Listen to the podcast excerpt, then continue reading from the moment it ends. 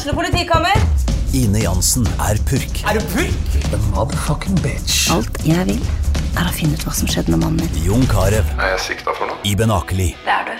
Ole So, Lars Berrum og Big Daddy Karsten. Hvem sin side er du på, egentlig? Anette Hoff, Tone Danielsen, Kommer du fra Afrika? Jørnis Josef, Nesten. Kløfta. Trond Espen Seim, Det er synd å si det, men det var feil mann som døde. Purk. Premiere tirsdag på TV2 Play.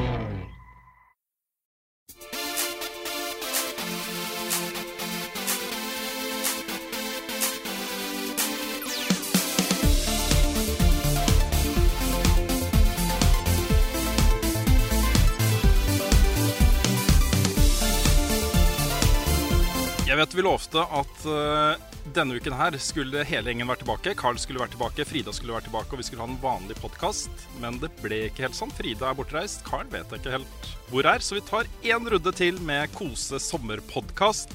Og gjesten denne gangen er selveste Jo Remi Madsen. Uglegutten. vi har jo møtt hverandre utrolig mange ganger opp igjennom. Ja. I mange, mange, mange år. Uh, og nå sitter du her. Dere har fått ut Owlboy. Eh, det har akkurat kommet på Switch. Det har eh, vært et, litt av et år dere har hatt bak dere. Ja. Det har vært et veldig merkelig år. Mm. Um, vi har jo, mens vi har jobbet Neimen. på Neimen, Hallo! er det du som er ute og går? Ja. Ikke arrangert i det hele tatt? Nei. Nei. Ekstra mikrofon hadde dere òg. Ja, faktisk. Sånn, Så bare i tilfelle det kom noen Veldig skeiv benk vi sitter på. Ja, vi sitter på en veldig skeiv benk, og kameraet står skrått. Ja, kameraet er skeivt for Ja. å kompensere, men vi blir jo da veldig sånn skakke. Ja, så Mest sannsynlig på bildet så sitter alle liksom sånn. Ja, så det blir jo det blir veldig fint. Yes, velkommen, Carl. Hyggelig. Vi er jo Ja. tilbake i jobb nå. Vi er tilbake Ja. på jobb. 1. Fullt kjør. august, full kjør. Mm. Så, men det blir jo liksom kosepodkast allikevel, for Frida er ikke her. Frida var bortreist denne uka her. Mm. Så eh, Det er, du- altså, det er kosepodkast selv om Frida er med. Jo, jo. Det-. Sånn, uten masse sånn faste spalter og sånn, tenker jeg. Ja, sånn, ja, ok. Nye, dette er en ukens nyheter og Ja, ok, Så vi skal Ja. være veldig flytende i dag òg. litt, litt flytende. Ja, Blir litt litt mer seriøst når hun er i sted, til stede. Nei, men også pod, En podkast føler jeg bør ha litt faste rammer. Ja. Uh, det har noe med den derre forvent, altså forvent, Hvilke forventninger man har da, Mm. som lytter, liksom. Jeg også foretrekker podkaster som har en struktur, ikke sant. Så, så det er derfor. Men vi er innenfor den strukturen så er vi jo ganske lause. Ganske Ja. lause. Ja. Det vil jeg si. På en skeiv benk. Yes. Men Ja. Juremi, du eh, er jo på hjemlige trakter. Mm. Du har bodd her, du. Vi er på Sankthanshaugen i Oslo. Ja. Uh, når jeg var student, da bodde jeg uh, rett nede i streeten her. Um, da gikk jeg på noe som het uh, NITH. da. Mm. Uh, et, en, en høyskole som lærte ja, programmering. Det var vel blant de første og eneste utenom Noroff på den tiden. Så lærte det som faktisk var spillprogrammering. da. Mm. Uh, jeg lærte jo ikke en dritt. Uh, men uh, det jeg brukte for det mesteparten av tiden, det var å møte folk som var interessert i spill. Mm. Og som jeg faktisk kunne snakke med om design og spillideer. Og det ble liksom bare Det ble en helt nytt, ny verden for meg. Mm. Fordi på Askøy så er det liksom Det er litt tabu, kanskje, å snakke om spill i skolegården og Ja, er det det nå? Spiller ikke alle Ikke nå. Fortnite der? Nå har jo verden forandret seg, da. Nå er alt snudd opp ned. Altså, folk eh, er i buskene og spiller Pokémon Go. Og det er liksom eh, Man ser det overalt, da, Mm. at spill har, har forandret seg som et medium. Det er det. Um, og jeg, jeg var så glad for at jeg møtte, møtte folk som hadde de samme interessene som meg. Og nå Grunnen til at jeg er i Oslo mye nå, er jo fordi at nå har jeg fått mange venner her som, som driver med utvikling og sånt. da. Mm. Men dere, har- dere starta jo eh, utviklingen av Alboy på Askøy. Mm. Jeg vet ikke om dere starta der, men i hvert fall det er der dere har eh, jobbet med det mest. I, Ja. I huset til foreldrene dine. Og da vi var hos dere første gang, det var i forbindelse med den nye Spill-Norge, den serien, så sa du at eh, det første dere hadde lyst til å gjøre når spillet var ute, og dere begynte å tjene penger, var å få dere til et eget sted. Ja. Og da flytta dere til huset til moren din, var det det? Eh, ja. Bare noen, noen hundre meter, og det er kanskje ikke hundre Ja, meter. eh, det, er, det er der Simon holder til nå Ja, fremdeles. Eh, det bruker han som ja, både bosted og kontor. da. Mm. Men jeg kjøpte meg leilighet i Bergen. Ja, ok. Um, så ja, det var det første jeg gjorde. Ja, nettopp. det var det aller første jeg gjorde. Å komme meg vekk fra Askøy. Og jeg bodde faktisk Martin har jo vært en del av podkasten deres eh, allerede. Han bodde jeg hos nå eh, i eh, forfjor. Mm. Fordi da, da var jeg så desperat av å komme meg liksom vekk og ut og ja, finne ut av hva det er å være i live. Mm. For jeg, jeg har sittet- foran PC-en så mye at uh, det har liksom både gått utover helse og, og ja, måten, eh, måten vi eh, var i hverdagen, da. Så Men det var litt morsomt, og, eller morsomt. Det var interessant å se da dere slapp Alboy på Switch nå i våres. Hvor slitne dere altså det, det var liksom Det skinte så utrolig gjennom på alle Twitter-meldingene deres. Nå bare Vet du hva, det her er siste straw, liksom. ja, går, hvis ikke vi gir oss nå, så går det gærent. det var det. Eh, og eh, dette er òg første året hvor jeg har tatt en faktisk sommerferie. Mm. Eh, etter at vi begynte å jobbe på det spillet. Så nå, uh, nå sitter vi liksom bare og tvinner litt grann tomler. Vi, vi begynner på nytt prosjekt i dag. Um, Alle detaljene vil vi ha nå. Ja. Tell us everything. jeg, jeg kan dessverre ikke si noe om det, men, eh, Men kan du si noe om eh, skala, eller også Ja ehm, vi, vi kommer til å begynne å prototype det nå, da. Mm. Og det er da vi finner litt ut av uh, hvor stort scopet blir. Mm. Um, målet er jo å lage et prosjekt som er en brøkdel av størrelsen til Alboy. da. OK. s- Nå tenker jeg ikke nødvendigvis på størrelsen på Altså selve spillet, men jeg tenker mer på måten vi jobber med det. Mm. Med, med Alboy så var det Vi, vi kuttet altså content-messig halvparten av spillet. Nettopp. Eh, Det var så mye, fordi vi, vi, det var første gangen vi hadde laget noe som helst på den, på, Mm. på den størrelsen. Så vi var, vi var ikke forberedt på Jeg håper jo, Juremi, både for din skyld og for Simons skyld, at uh, den prosessen dere var gjennom med Alboy, som tok ni år, mm. uh, faktisk fører til at dere kan kjøre ting gjennom litt kjappere. Ja. Fordi dere lagde jo Alboy fire ganger, var det det? Ja. Vi Ja. Uh, mer eller mindre. Ja. Så nå eh, Mye av det som vi jobbet med, eh, det var jo å lære oss koden og lage spill i det hele tatt. Mm. Og å begynne på et prosjekt av den skalaen, det var eh, Alle sier det, alle indier som har sånn tips, livstips å komme med, det er å bare lage noe bullshit. Altså Mm. noe bitte lite før Mm. man begynner på et sånt skalaprosjekt. Dere gjorde jo det innimellom, dere. Dere, Ja. dere lagde Savant, Ja. og så lagde dere Vikings and Trampolines. Yes. Sikkert en del andre prosjekter også som ikke har blitt eh, Ja. vise fram, eller Masse. Mm. Eh, jeg har jo jobbet eh, mye Før jeg møtte Simon, så jobbet jeg jo mye med mine egne prosjekter. da. Jeg har en video på YouTube som viser litt av de, de spillene som jeg lagde pga. at jeg var inspira eh, inspirert av Savant sin musikk. Mm. Um, og vi lagde jo faktisk et spill med Savant til slutt. Det var jo pga. at vi hadde såpass god kontakt med han. sant? mm. Uh, og det er han som lager musikken til Vikings and Trampolines også. Ja, det er kult. Ja. Hey. Så jeg, eh, jeg gleder meg veldig. Det er jo en, det er en veldig annen sjanger, da. Mm. Så Det er litt morsomt med Vikings, fordi vi har jo spilt det eh, Mhm. opptil flere ganger. Ja. Eh, Vi spilte det til og med da vi var hos dere, jeg og Endre, Ja. for mange mange år siden. Eh, men det er ikke så mange rundt omkring i verden som vet om det.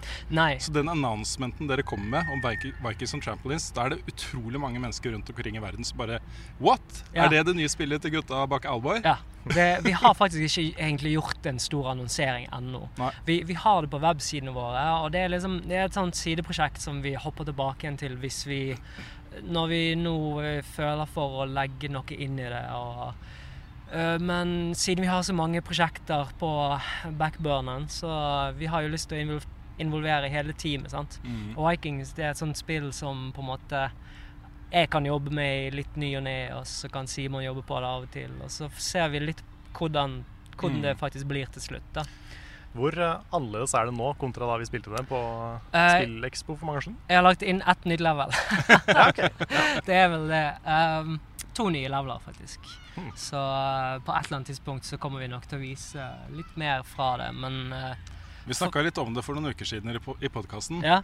Eh, og da var en av de tingene vi snakka om da, var jo at det spillet trenger jo ikke å bli noe mer enn det det var da Nei. vi spilte det, egentlig. Mm. Men det ene tingen som vi kanskje hadde lyst på, var sånn customizing av vikinger og sånt. Det, du, Ja. jeg vet det har jeg Altså, jeg har planer på alt det der. Uh, og jeg satt jo og hørte på, hørte på noe når dere sa det. Og jeg begynte med en gang å få ideer til hvordan jeg har lyst til å gjøre det. da. Ja, så kult. Uh, nå finnes det jo noe som heter Steam Workshop, Mm. um, hvor man kan faktisk legge til sine egne ting i spill. Jeg vet ikke om dere har spilt Don't Starve noe særlig, men også Eh, Litt. Frida er jo Ja. Don't Starve. Frida er veldig Don't Starve. Ja. Ja. Jeg har brukt Steam Workshop en del. Uh, Skyrim, obviously, og sånne ting. Ja, sant. Uh, og med en gang så får, så får brukerne, altså spillerne, eh, en måte å customize spillet sitt på en helt annen måte. da. Jeg husker jeg spilte Worms Armageddon, hvor Mm. det aller gøyeste med hele spillet det var å lage inn sine nye eh, egne soundpacks. Vet du hva. Du er den eneste jeg har møtt som har gjort det samme. det, er, eh, det var så gøy, det. Ja, jeg, jeg brukte 90% av tiden min på akkurat det Ja. der. Same. Det var så gøy. Åh, uh, Fins dette her Fins dette eh, noe sted? Er det mulig å liksom få lagt ut Altså Det som er, det som er synd, det er det at jeg spilte mye online. Det, det er et av de få spillene jeg har spilt mye online. Worms Armageddon. Men de hører jo ikke din soundpack, for den, den fins jo bare på din PC. Ja. Mm. Og det var, jeg ble så skuffa da jeg skjønte det. Jeg hadde brukt så mye tid på å lage sånn morsom stemme, og så var det ingen som hørte den. Akkurat det. Men det er akkurat det som Steam, Work, uh, Ste- eh, Steam eh, Workshop eh, retter på. da. Mm. Fordi at uh, når du spiller med noen som har den content-packen, så får du liksom tilsett den samme. da. Så det, det, det gleder jeg meg veldig til, hvis, hvis jeg får det til på en ordentlig måte. mm. Mm. Det blir jo en sånn liten digresjon, da, men eh, mens vi snakker om det, Ja. customizing og sånt, har du fulgt noe særlig med på Dreams fra Medium Molecule? Uh, um, nei, faktisk ikke. Jeg har, jeg har sett en, noen snutter av det. Mm. Nei, for det kommer noe snart. Jeg bare tenkte hvis du, hvis du hadde fulgt med på det, kanskje du hadde noen nuggets of wisdom? om- Ja. Ehm, nei. Men for å ta den enda litt videre, da. Uh, eh, Beyond Good and Evil 2, fikk du med deg hvordan de har tenkt å liksom fylle alle disse verdenene med content? Nei. Ja, men Det var litt kontroversielt, det. Det var litt kontroversielt. Og jeg skjønner det. Ja. Fordi de ber jo på en måte om Altså det er en svær konkurranse for å jobbe gratis og få Mm. arten din inn i spillet. Og det var han ehm, Hva heter han igjen, han som spilte Robin i siste Batman eh, Siste Christopher Nolan-Batman-filmen? Han, han i hvert fall. Han, han var liksom talsmannen for hele den greia der og har fått veldig mye pepper etterpå. Ja. L- Joseph Sånn sånn. Kanskje noe sånt? Ja. Jeg husker ikke. Joseph Ja, jo, Gordon. Joseph Gordon-Levitt. Stemmer. Det var det. Ja. Vi fant ut av det. Ja. Um, men, men det er jo på en måte Veldig mange mener jo at dette her er utnytting av artister, altså av kunstnere. Og jeg ser litt den. Mm. Det kan, Men det det, spørs jo, da. Hvis, tenk deg hvis du er dritflink, ikke sant. Og så kan du sette ditt preg på hele liksom, Grünerløkka-området i den by, ene byen i det spillet. Ja, ja. Og det, det, det er din bydel, liksom. Det, er, Mm. ikke sant? ja. Men det er litt det der, da burde du få betalt. Og... Det burde du få, syns Ja. jeg kanskje. det, det kan gå veldig gale, det der. Mm. Uh, jeg tror det er flere prosjekter som på en måte har prøvd seg. Husker dere Goddess fra det, var, det er vel Peter Molyneux Mm. som har laget et studie som heter 22 Cans. Um, hvor de ga rollen til en som vant i det forrige spillet. Ja, det stemmer det. Det var den der, det. Ja, var det den skulle- kuben som Ja, skulle åpne? Og så, ja, og så kom Peter Ja. Molyneux ut. Så Og han bare annonserte at eh, du er gud i neste prosjektet vårt. det er Ready Player One, rett og slett. Ja. Eh, og det gikk jo til helvete. Mm. Eh, det har vært så mye Uff a meg. Ja, det har vært så mye piss rundt det der. Vet du hva, Nå skal vi kose oss. Vi snakker ikke om Peter Molyneux og Nei, Lionhead. Og vi, det er bare hyggelige temaer. Det går Ja. an å prate om eh, Sean Murray, da, for han er på en måte den, den versjonen av Peter Molyneux som faktisk har fått en redemption og fiksa ting. ja. Absolutt. Vi kommer Ah, straks det tilbake til det. Fordi eh, vi skal, skal jo snakke om hva vi har spilt i det siste. Det kan hende at eh, i hvert fall en av oss har Ja, i hvert fall én. spilt noe som er relatert til det. ja. Mulig. Men det er en ting jeg har lyst til å spørre deg om, som jeg vet mange også lurer på. Fordi utviklere er jo ikke så veldig offentlige med salgstall og penger og sånne ting. Mm. Men kan du si noe om hvor, hvor bra det har gått for dere etter utgivelsen av det? Ja. Vi, eh, vi bestemte oss jo for å være litt åpne om akkurat det der, fordi Steamspy uh, eksisterte. Mm. Eh, det, det er jo blitt stengt ned nå, som er veldig synd. Men eh, vi begynner å nærme oss en million kopier nå. Det er jo helt fantastisk. Ja. Så vi, eh, vi er veldig Og det er mye pga. switchen, altså. Mm. Det boostet oss noe helt sinnssykt. Altså, eh, I forhold til hvordan det har gjort det på f.eks. PlayStation og Xbox, Mm. vi gjør det jo K ehm, i forhold til den innsatsen vi har gjort der. da. Og, og med tanke på at vi utsatte spillet til Xbox og PlayStation. Uh, Nintendo har solgt helt at altså, vi kunne levd alene bare på inntektene vi har fått fra Nintendo. da. Mm. Det, det er en helt fantastisk konsoll for utviklere som, som, som oss. Men det er litt uh, Jeg syns det er morsomt, fordi uh, da Nintendo ga ut Wii, så ble jo den kjøpt av alle, unntatt de som kunne vært interessert i å kjøpe indiespill. Ja. Ikke sant? Mens den Switch har blitt en sånn konsoll for folk som er nysgjerrige på spill. Ja. Som Eh, liker interaktiviteten og kreativiteten til konsollen. ikke sant? Ja. Jeg vet ikke om jeg har noen teori om hvorfor det har blitt sånn. Um, men jeg vet bare det at nå føles ting veldig um, Veldig tilgjengelig, da. Uh, mer enn før. Jeg, jeg følte at 3DS og sånt Jeg syntes at det var skikkelig kult. Fordi at jeg kunne bruke det når jeg reiste og sånt. Men, men Nintendo Switch føles som en skikkelig konsoll, på en måte. Mhm. Og ikke bare en duppeditt. Det er nok mye det. At du får på en måte hjemmekonsoll-kvalitetsspill på en håndholdt Ja. maskin. Så du kan på en måte, det er så lett å få tid til å spille. Ja. Mm. Uh, og jeg, jeg spiller den ikke veldig mye, uh, det skal jeg innrømme. Men med en gang jeg satte meg på toget i går, uh, så skulle jeg egentlig sitte og jobbe med, med litt sånn dokumentasjon og business og sånt. Men istedenfor fyr, så fyrte jeg opp switchen og begynte å spille hele togturen. Mm. Spilte jeg Kingdom New Lands. Fordi det, det er sånn sommersalg på switchen nå. Så det anbefaler jeg å sjekke ut. Det er dansk, ikke sant? Mm, eh, ja Jeg er litt usikker, faktisk. Jeg tror det. Jeg sitter i juryen på Nordic Game Awards en gang. Og Ja. Da var det et av de spillene som var oppe til vurdering. Jeg Ja. mener å huske det var eh, dansk.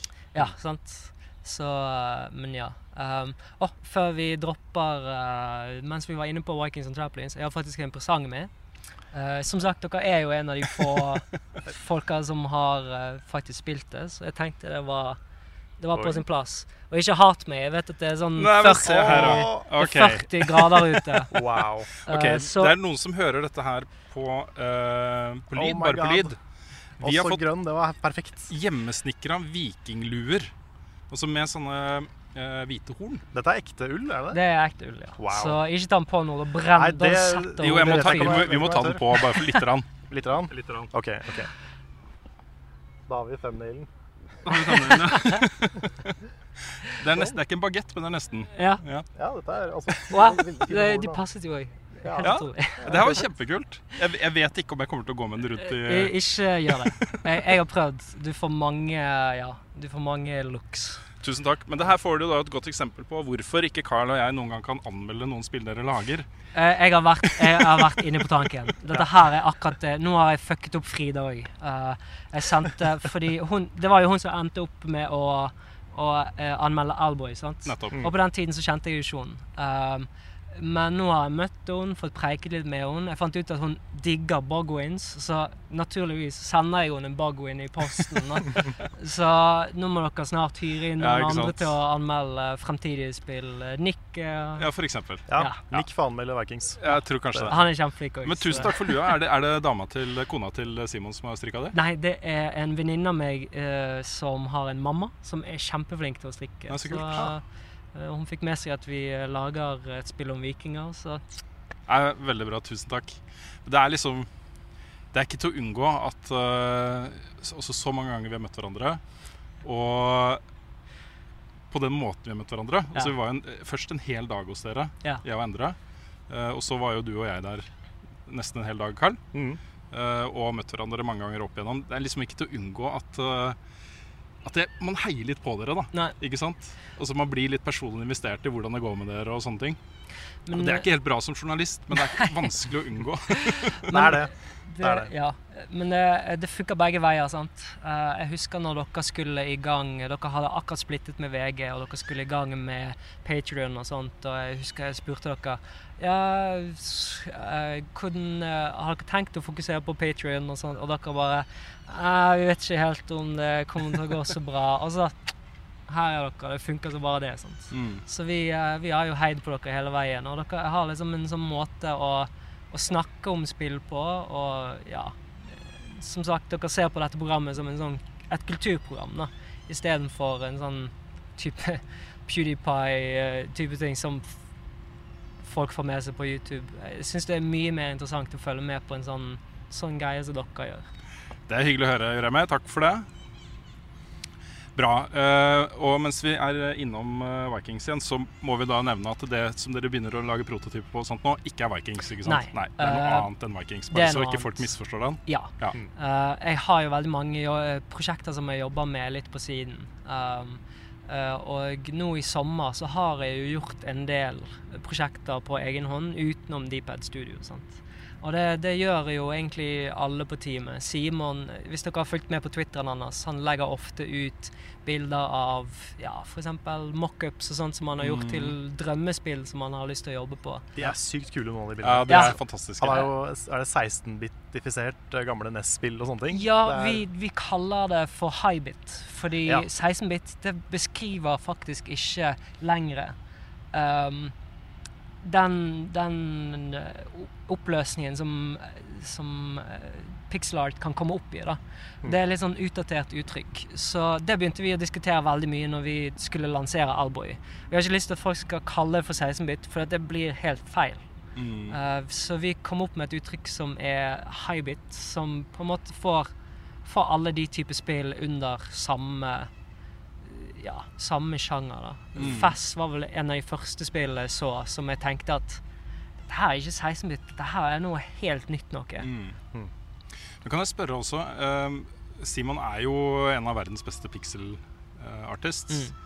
Men han er jo veldig flink i andre stilarter også. Ja.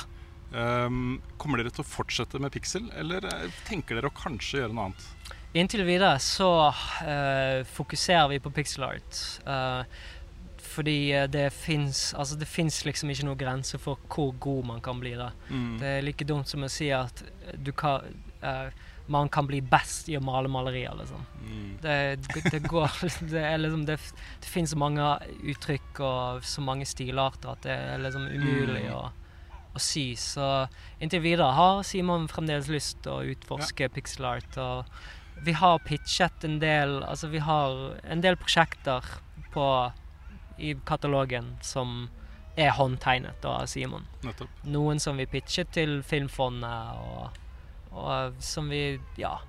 Som vi har hatt lyst til å vise litt fram, men er vi ikke helt der ennå. Mm. Fordelen med pixelart er jo at den aldri går ut på dato. Nemlig. Ikke sant? Det er akkurat det. Uh, nå, nå spilte jeg jo mye eh, Kingdom Newlands på toget, og da merket jeg med en gang at måten, måten de gjør pixelart på, det er på en måte programmert pixel art. Hvis du ser f.eks. ned i vannet der, måten eh, Måten det er liksom vist på, det er, det er, så, det er så sykt kult. Mm. At det går an å gjøre sånne ting med noe som folk eh, for noen år siden regnet som utdatert. Mm. Det er helt sant. Nei, det er eh, deilig at den kom tilbake, altså. Ja.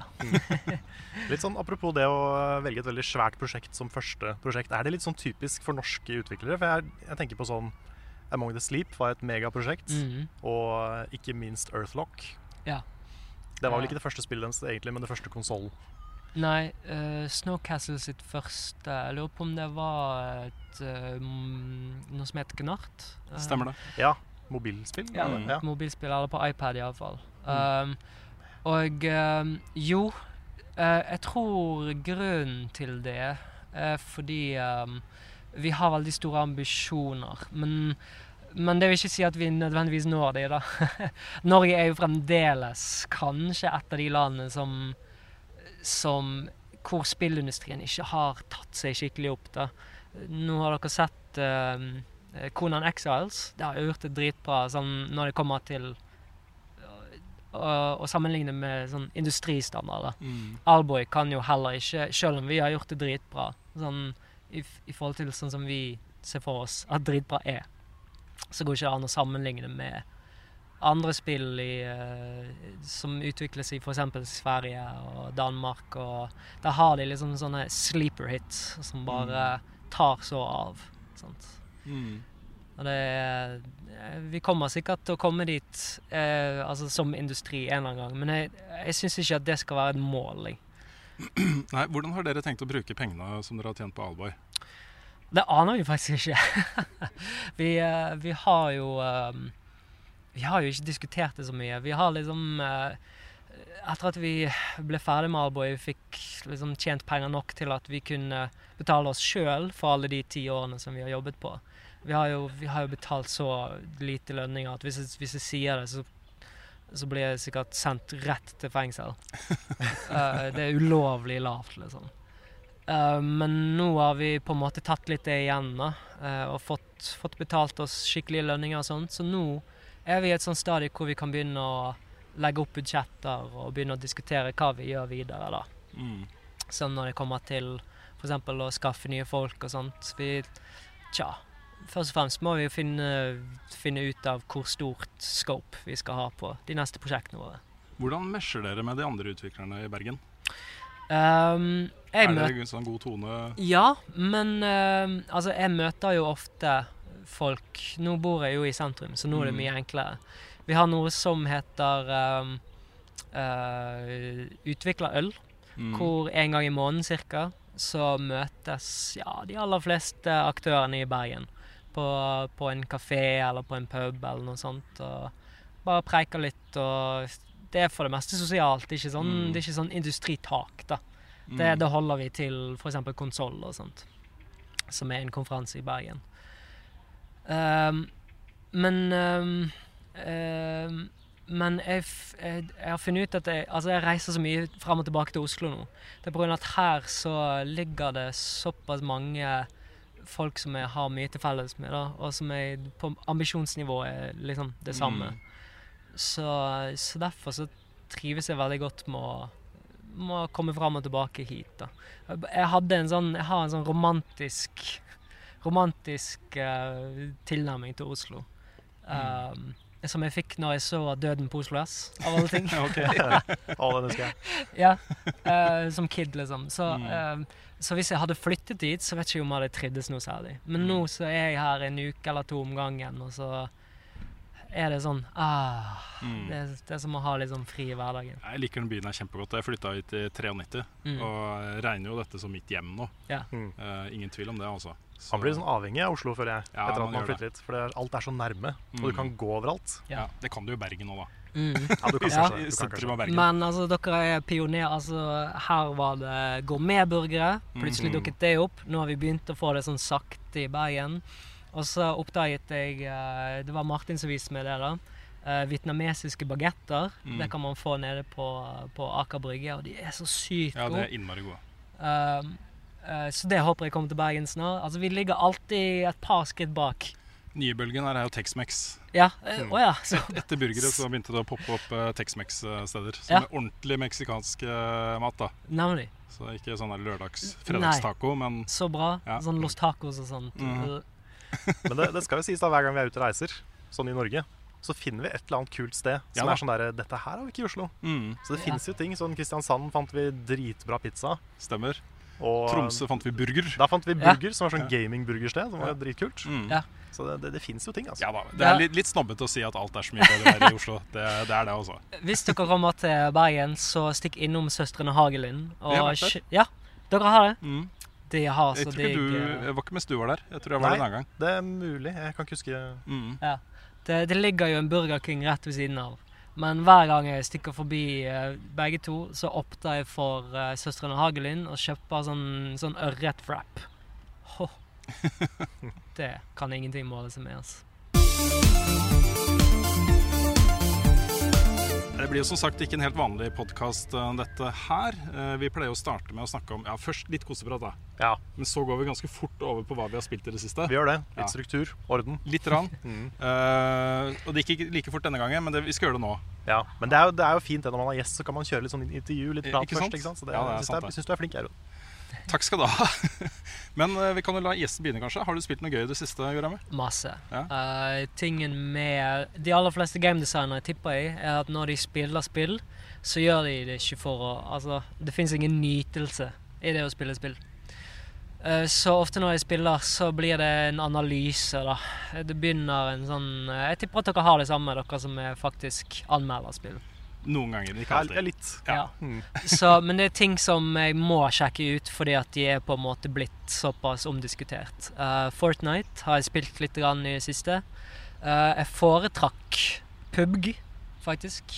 Um, Fordi det er litt uh, det, Jeg er begynt å komme opp i den alderen hvor uh, Ja, jeg er litt voksen av meg, og da å løpe rundt og være sånn tegneseriefigur, det eh, Det føltes liksom ikke helt som meg, da. Det er litt morsomt du sier det også, fordi um, en ting som er flott med spill, er at man kan sitte liksom i et lag med all, folk som er alt fra 12 til 80 år, og Mm. alle har noe felles. Mm. Men akkurat når det gjelder Fortnite, så er det en ting som stopper meg litt fra å spille. For jeg vet det er så utrolig mange 12-13-14-15-åringer Ja. som spiller. Mm. Føler meg litt gammel, rett Ja. og slett. Ja. ja. for for meg så tror jeg det handler kanskje vel så mye om at det er den derre litt den Dreamworks-stilen. Ja. Jeg hadde vært så fan av den. Nei, jeg er enig. Um, Jeg syns det ser pent ut, for så vidt. Men Ja, altså, det, det er jo penere, jeg vil si det har en bedre stil enn PubG. Mm. uh, siden PubG er jo bare sånne assets som de har på en Ja. måte kjøpt. Men, men det der er òg selvfølgelig en ting som jeg har diskutert mye med Simon. Uh, den stilen der. Um, det var så synd at uh, over, nei, Fortnite for de da kom ut etter Overwatch. Fordi Overwatch har liksom satt den standarden hvor Mm. Holy shit, altså ansiktsanimasjon. Altså animasjon generelt, liksom. Ja, det for, for, for, de, er, de er nydelige, de figurene der. Ja. Ja, du ser at der har det vært en ordentlig designer. Mens, mens det ser ut som en Altså, Fortnite ser mer ut som en app, på en Ja. måte, hvis jeg kan Hvis jeg kan si det sånn. Ja, det er, det er bedre å si det enn å si Dreamworks. Ja. så det er sånn store øyne uten noe liv i, og Mm. ja, det Da òg blir jeg litt sånn eh. Men har du- Det er vel ikke chicken dinner der? Det er vel noe annet? Jeg har aldri vunnet i Fortnite. Nei. Det er vel vel jeg bare vet ikke. Victory Royale, tror jeg det heter. Ja, Ja, greit. Noe sånt. Ja. Nei, Jeg har jo Eh, heller ikke fått det, så det var derfor jeg ikke visste hva det het. Jeg har ikke fått uh, førsteplass i Fortnite. Nei. Jeg har egentlig bare spilt det på stream uh, da vi spilte det, men Mm. ellers, uh, ellers lite. Ja. PubG er litt mer sånn horror. ja. For du, du sitter jo hele tida og bare ja, du gjør det. Hva skjer? Hvor er de? Sant? Og den, det den, den, får du ikke, den får du ikke i Fortnite. For, for å roe nervene når jeg spiller PubG, så sitter jeg med et glass whisky. Ja. Hver eneste gang vi begynner å spille. Det, jeg må det. Fordi eh, jeg får sånn her Og så sitter jeg med headset òg, sant. Mm. Chicken dinner and whisky. Ja. Ja, det er det akkurat det. Mm. Så, men ja, ellers så har jeg eh, Jeg skal spille et par spill. Eh, Nick anmeldte akkurat Octopath Traveler. Yes. Og han har, ja, han har overbevist meg. Jeg, jeg er ikke så stor fan av JRPGs lenger. Jeg var det før da jeg var mindre. Mm. Um, fordi nå, etter Kingdom Hearts, da, så føler jeg at JR, JRPGs de forandret seg litt. De, de hadde liksom potensial til å være noe helt annet. Mm. Jeg føler at Kingdom Hearts er et slags JRPG, men samtidig ikke noe turn-based, så Mm. hurra. Da forandret formelen seg litt. Jeg var jo, jeg var hos deg sammen med Nico Svendsen og spilte Dark Souls tidligere i sommer. For en ukes tid siden. Ja, sånt. Mm. Og da viste du litt fra Octopath Traveler. Mm. Og det ser jo amazing ut. Mm. Og så den visuelle stilen her er bare helt crazy bra. Ja, den Ja. er nydelig. Og det, det er òg en måte å, sånn som vi snakket litt om i sted, å bringe pixel art litt sånn til, til nye høyder, da. Mm. Det er jo Altså, det er strengt tatt ikke pixel art, men de, de bruker sånn eh, Sånn som de gjorde i Dom før. Det, det som vi kaller for cardboarding. Mm. De har bare noen 3D-elementer innpå der, og så har de bare klistret 2D-grafikk på det. da. Mm. Mm.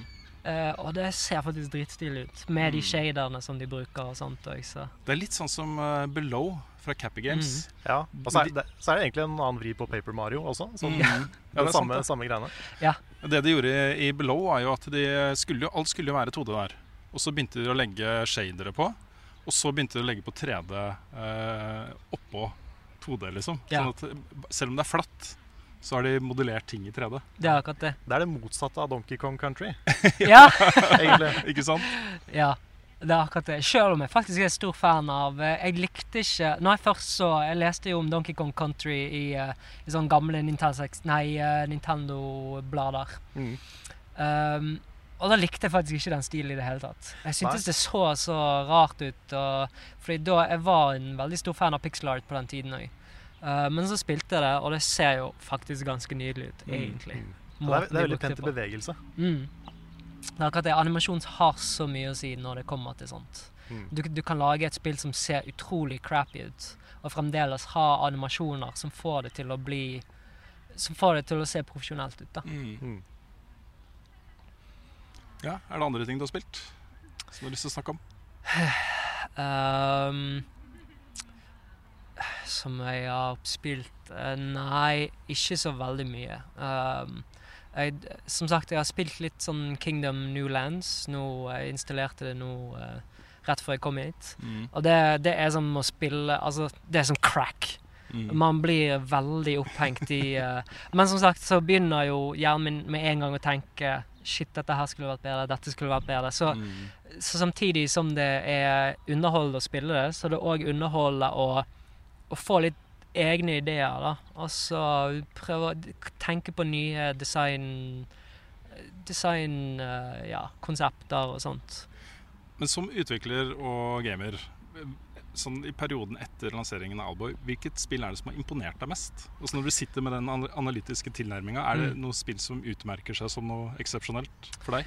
Oi, oh, shit. Jeg liker veldig enkle spill, jeg. Mm. Fordi det er, så, det er så lett å overscope, som vi kaller det. Eh, Det betyr rett og slett at man sitter og, og tenker at dette spillet må ha mer og mer og mer. Eh, Alboy var, var et stort problem for oss, fordi Minecraft kom ut, det ble dritpopulært, så da tenkte vi kan Alboy ha crafting på en eller annen måte? Kan vi bygge hus i Alboy? Og Simon begynte å tegne sånn modulære hus og, som, vi, som Otis kunne sette sammen som en byggeklosser. da. Mm. Det, ja, eh, det endte vi aldri opp med å få inn. Thank God. Mhm.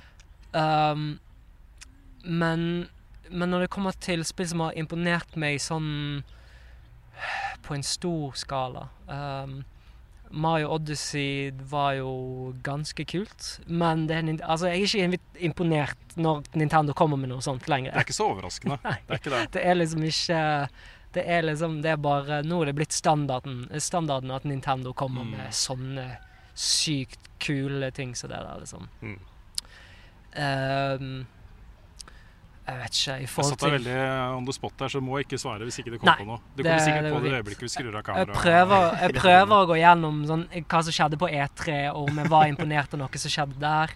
Det er sånn med også, Av og til så kommer Frida drassende med sånne spørsmål som er kjempeavanserte Ja, til dem, i den podkasten her.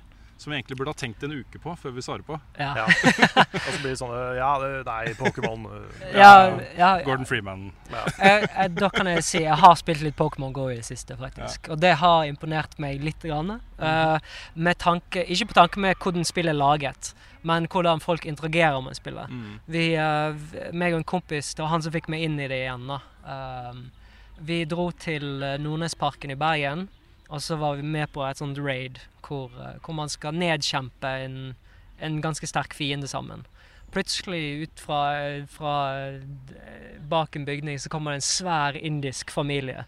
Alle som har installert Pokémon GO, til og med en 80 år gammel uh, bestemor, som står der sammen med oss og prøver å ta ned en fiende. Mm. Og det, det, er spilt, det er som å spille en real life MMO. Mm. Fordi jeg, for, jeg husker første gangen jeg spilte World of Warcraft. Det å møte folk. Det var sånn Hva heter du? Hva er navnet ditt? Hvor gammel er du? Hvor er du fra? Altså, det, var, det er en sånn møte, bare, bare in real life. da. Mm. Assel, eller sånn. Ja, Assel. Tøft. Ja, men det, er, det er lett å se når folk, altså, hvilke folk som spiller Pokémon GO. Når du ser en litt sånn rar sammensetning av folk. Litt sånn gamle folk, litt menn i dress og kanskje noen kids. Så er det sånn, Ja. ok, de sitter, de spiller Pokémon GO. Ja. Det, det er veldig rart. Og så, Da begynte jeg selvfølgelig å tenke på mine egne konsepter. Hvordan kunne jeg forbedret Pokémon GO? Og da, da jeg kom på en episode som dere har spilt inn av podkasten. Jeg tror det er eh, episode 180. Hvor du sier at du når du drar til Burger King, så har du ja, lyst til å oppnå, oppnå noe mens du går ned der. da. Så jeg lagde en liten sånn prototype. Jeg har litt sånn footage av det hvis dere vil vise det i podkasten. Hvor man eh, tilegner seg XB XP ved å gå, da. Mm. Um, og levele opp monstre og sånne ting som det. Det er jo veldig, veldig likt konseptet til Pokémon GO, bare at der er det egg som klekker. Mm. Mm. Men uh, jeg syns det var Det var veldig artig å komme seg ut litt. Grann, og Mm. føle at man samtidig òg oppnår noe. Jeg tar gjerne en kode av det. altså. Ja. Det er gamification, folkens. Ja, Det er det. Jeg, eh, god grunn til å gå mer. Det er, det er fint. det. Ja. Hva har du spilt i det siste, da, Carl? Jeg vet ikke om jeg skal ta opp alt, for det er ganske mye. Ja, Jeg har kan jo, tenke meg det. Det er litt det med sommeren, liksom. Ja, jeg har jo gama masse i sommer. Ja. Jeg har kjøpt aircondition, så det går an å sitte inne og spille. Mm. Så um, jeg kan jo begynne med det vi har prata litt om fra før. Octopath Traveler. Ja. Jeg har ikke runda det. Eh, Jeg har ikke spilt det like mye som Nick. Jeg traff litt den veggen nå, kjenner jeg. Jeg, liker, jeg er veldig enig i anmeldelsen til Nick. Syns det er dritbra på veldig veldig mange måter. Men jeg har treffet litt den derre Nå har jeg gjort første kapittel til alle, gjort andre kapittel til noen få. Og det er sånn OK, jeg må gjøre andre kapittel til veldig mange flere, så kan jeg levele opp før jeg kan gå videre. Og liksom Mm. Det er litt, litt overveldende noen ganger. Ja. Jeg vet ikke om jeg kanskje, kanskje jeg er litt for Kanskje ikke jeg er like tålmodig lenger som jeg var før. Kanskje. Så jeg også er litt redd for at jeg kanskje er i ferd med å falle litt sånn out of love med tradisjonelle JRPGs. Nei, jeg gjør ikke det. De, de, som, er veldig, de som er veldig bra, de treffer meg fortsatt. Det, en, eh, det hadde vært en truth bomb. eh, da ja, det er altså. det. Ja. For jeg elska jo Nine Kuni 2, for eksempel. Mm. Men det også har jo mer Ja. action-prega igjen. Så Det, det spilte på din anbefaling, faktisk. Eh, jeg har ikke kommet så veldig langt, men det å bygge sitt eget kongedømme og sånt, Mm. det traff meg. Det er et sånt konsept som jeg skikkelig digger. ja, Mm. same. Og det at det liksom det er sånn Det kongeriket står for liksom så mange koselige ting. Jeg liker det veldig godt. Mm. Nå har vi jo nevnt eh, anmeldelsen til Nick av eh, Octopath Traveler noen ganger. Kanskje vi også skal nevne hva han ga det? Fordi, eh, Ja, det kan være han ga det ni. ikke sant? Og jeg syns, jeg syns ikke det er ufortjent. Nei. Um, jeg tror Først og fremst så var problemet meg, uh, for min del. Fordi jeg har lagt det litt fra meg, men jeg skal tilbake til det. For det er et av de beste japanske rollespillene jeg har spilt på lenge. Mm. Uh, det er bare det at jeg må finne tilbake til den der motivasjonen til å, Ser den? til til å grinde meg opp til eh, det, det som er igjen. Ja. Mm.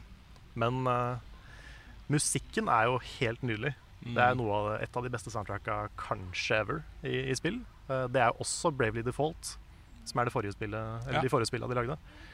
De soundtracka er undervurdert, altså. Mm. Um, og som vi prata om, grafikken er jo nydelig. Så det er veldig veldig kos. Hadde jeg, hadde jeg ikke hatt veldig mange andre spill jeg ville spille samtidig, så hadde jeg nok dedikert hele sommeren til det. Mm. Men jeg har også spilt um, DLC-en til Mario pluss Rabbids. Ja, nettopp. Var den bra? Mm. Den var bra. Ja. Det var mer av det samme. Okay. Jeg syns Donkey Kong som figur, med det moveset han har, var veldig stilig. For han har veldig mye sånne der movement options. Så det var en kul sånn twist på, på det gameplayet som var der. Mm. Men generelt så var det bare mer, mer av Mario Rabbids. Og det er jo bra, det. Ja. Eh, ellers, Sonic Mania Plus kom ut. Og det er jo eh, enda en slags remix, kanskje, av, av det som var i Sonic Mania. Med to nye characters. Remix av en remix. En remix av en remix. Mm. Og det var dritkos. Jeg mener jo det er eh, Det gikk fra å være det kanskje beste Sonic-spillet til det jeg nå vil si er det beste Sonic-spillet. Store ord. Store ord. Store du er. Sonic-fan, jeg regner Sonic Mania som Sonic 4, jeg. Ja, det er jo på en måte det. Det er det. Um, skal vi glemme det egentlig, Sonic 4, for det ja. Nei, det touchet jeg ikke. Så ja, jeg har vært uh, Siden jeg var bitte liten, så har jeg Mm. vært en Sonic-fan. Så uh, det å se at de gikk tilbake igjen til favorittspillet mitt Mm. og remixet det i denne, liksom, i denne tidsalderen Mm. Det er liksom uh, Det føles som å våkne opp til en slags drøm. da Det Det er en veldig fanboy statement, men Mm. det er liksom sånn. Ja, det er sånn, det spillet her er laga nøyaktig for oss, Mm. på en måte, som husker Sonic eh, 3 Knuckles og de der som de beste. Ja. Mm. Så har de bare laga mer av det. Og det er jo alt vi kan be om. Ja. Så jeg koser meg veldig med det. Mm. Og, ehm, og så har jeg spilt uh, de uh, Hva heter det igjen? Amazing Adventures of Captain Spirit. Stemmer. Det likte jeg veldig godt. Mm. Det, jeg vet ikke hvor mye vi skal snakke om det, for jeg har snakket om det før. Vi var jo innom det. Ja. Mm. Men det siste jeg kan nevne, da det, ehm, Jeg tenkte egentlig ikke si noe. eh, Så tenkte jeg å vente en stund med å, med å gi det ut. Ja. Fordi det er fortsatt en del igjen av Soulmates. Men jeg har begynt å tenke litt på en erstatter. Hva som skal komme når ikke det er mer Soulmates. Mm. For du har jo spilt alle Dark Souls-spillene, så vi kan liksom ikke begynne på Dark Souls 2 nå. Men jeg tenkte på liksom andre spill. Og det er ikke så lenge til Kingdom Hearts 3 kommer. Så jeg tenkte OK, kanskje jeg skal lage en serie hvor jeg liksom gjør meg klar, eller oppdaterer folk da til Kingdom Hearts 3. Så tenkte jeg liksom OK, skal jeg lage en law-serie? Skal jeg lage en gameplay-serie? Skal jeg prøve å utfordre meg? Skal jeg komme med masse sånn Disney fun facts og sånne ting? Endte opp med all of the above. så, det, så det er alt. Jeg spiller gjennom Kingdom Hearts. Ja. Eh, jeg tenker hele serien i utgangspunktet, Mm. hvis jeg klarer å holde motivasjonen oppe. Det er helt crazy, ass. Det er Hvor mange mye. timer er det snakk om? Er det sånn 200-300 timer eller noe sånt? Jeg veit ikke. Nei. Det er jo ikke alle spillene som er like lange. Nei. Men, men det er mange av de. Ja. Det er vel fem spill, og så er det noen sånne filmer inni der. Men, ehm, men jeg tenkte da, siden jeg har kommet såpass langt Jeg har allerede spilt meg nesten ferdig med det første spillet, så kan jeg kanskje begynne å legge de ut litt tidligere. Ja. Så øh, skal ikke se bort fra at de kommer om ikke så lenge. At, det, ikke- at ikke jeg venter til Soulmates er ferdig. Ja, det er kult. Ja, det er litt av et prosjekt. Det er det, altså. Mm. Det er mye, mye nerding, og det er en serie jeg er veldig glad i. Så- Jeg kan si at det trengs. Jeg, jeg må catche opp. Og da ser jeg gjerne en sånn serie. Altså. Ja, det er bra. For det, er- ja, det er mye å catche opp på. Det er jo ikke en historie som er lett å følge. Det første spillet er sånn her, ok, det er en liten sånn fin self-contained ting. Ikke så vanskelig å forstå. Og Disney og det er, sånn, det er, det er koselig. Mm. Og så kommer Kingdom Hearts uh, Chain of Memories, og så to. Og det er sånn, ok, nå begynte det å bli veldig komplisert, men ok, nå er det ferdig.